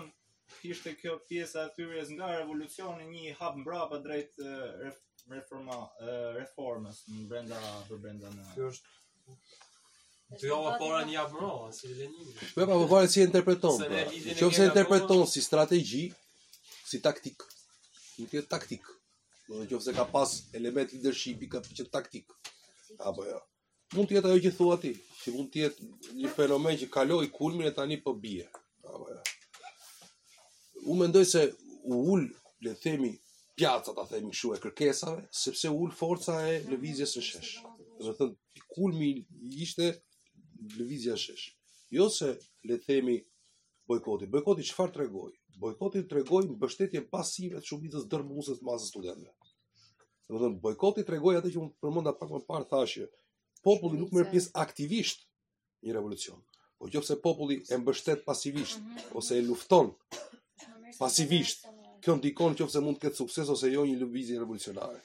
Në rastin konkret, janari tregoi që pasivisht shumica dërmuese e studentëve, jo ata që ishin aktivë, ata që ishin shesh, ata që ishin bojkot, dakord, Hmm, jo lëvizjes, lëvizja janë aktivët e aktivëve. Janë le të themi kuadrot e aktivëve. Po masa dërrmuese e studentëve apo jo, ishin për bojkot. Kurrkundi nuk pati spontanisht një vrull të madh, bënte thirrje qeveria disa ditë me radhë. Do të merrni bursën thoshte. Shkoni se po ju digjet bursa. Apo jo. Shkoni se po ju digjet bursa. Ë? Shkoni ça jeni ju. Deri u thoshte kryeministri që janë 2-3 veta aty që s'ju lënë. Kush është burrë këtu? Ata apo ju? Apo hë pra. Dhe nuk nuk kam qenë në fakultet ato ditë. Pati kurrë një fluks. Sigurisht pati grupe studentësh, sigurisht të cilët apo jo kishin dëshirën e tyre, shpesh e për inate thjesht banale me shokun, apo jo. Futem si për inat tënd, jo se jam me qeverinë, ose jam për kot për inat të filanit fistekut. Kështu që është i çik ajo ditët e sheshit ishin le të themi sepse aty pati dhe mundësinë që kjo të shërbente si katalizator për të mobilizuar masivisht shoqërinë. Sheshi ishte le të themi Po, aty pastaj mund të thuhen gjithato, Dardan, duhet parë roli që luajtën forcat politike konservatore, apo jo, PD-ja me LSI-në, çfarë roli patën. Dakord? Po çështja është që edhe sikur mos ishte PD-ja me LSI-në, a do kishte? Domethënë aty është një hipotezë, por pastaj është me sikur, me sikur edhe aty jemi gjithmonë më shumë në fushën e spekulimit sesa të një studimi konkret. Është është një gjë që duhet studiuar shumë intensivisht kjo, sepse është një shkollë e vërtetë politike. Kjo është pak a shumë e sigurt. Janari dhe dhjetori janë një shkollë e vërtetë politike. Duhet të përpiqemi dhe prandaj edhe ky referat sot këtu që të të njohim ABC-n e koncepteve kryesore. Të përpiqemi të përdorim këto koncepte, këto teori kryesore për të filluar të lexojmë ë ato ç'ka çka ndodhi.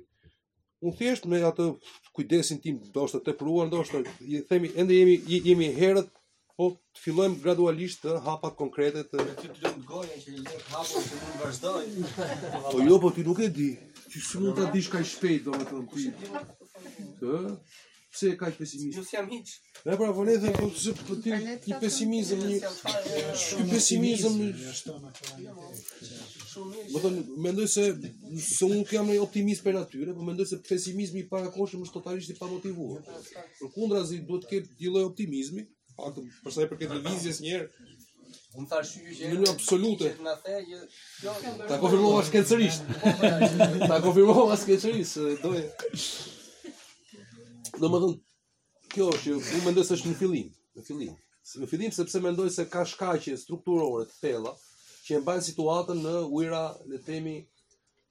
në ujëra që mund të mund të provojnë diçka. Mendoj se janë shkaqe janë janë shkaqe të thella këto që shkaktuan dhjetorin dhe janarin. Dhe që maksimumi pala tjetër, se shiko, kjo është interesante. Revolucioni, revolucioni është studiuar shumë nga ata që duan ta bëjnë revolucionin, e sidomos nga ata që duan ta parandalojnë revolucionin. Që janë specialistë dy palët. Specialistë të revolucionit janë kryesisht ose Anti ose apo jo, ose këtej. Dhe qeveritë i studiojnë shumë këto, domethënë nga temat ku hidhen janë hedhur historikisht më shumë financime nga qeveritë. Po qeveritë maksimumi mund të kontrollojnë ato që janë shkaqet afatshkurtra të një shpërthimi mhm. revolucionar. Shkaqet afatgjata kërkojnë politika që japin efekte apo që janë afatgjata për dhënë efekt. Kështu që një qeveri shpeshherë në tentativë për të eliminuar shkaqet afatshkurtra, i ka përshkallëzuar ato dhe shpeshherë shumë qeveri janë hedhur në erë si puna e atij që kërkon të çmontojë minën. Apo jo. Kështu që të shofim.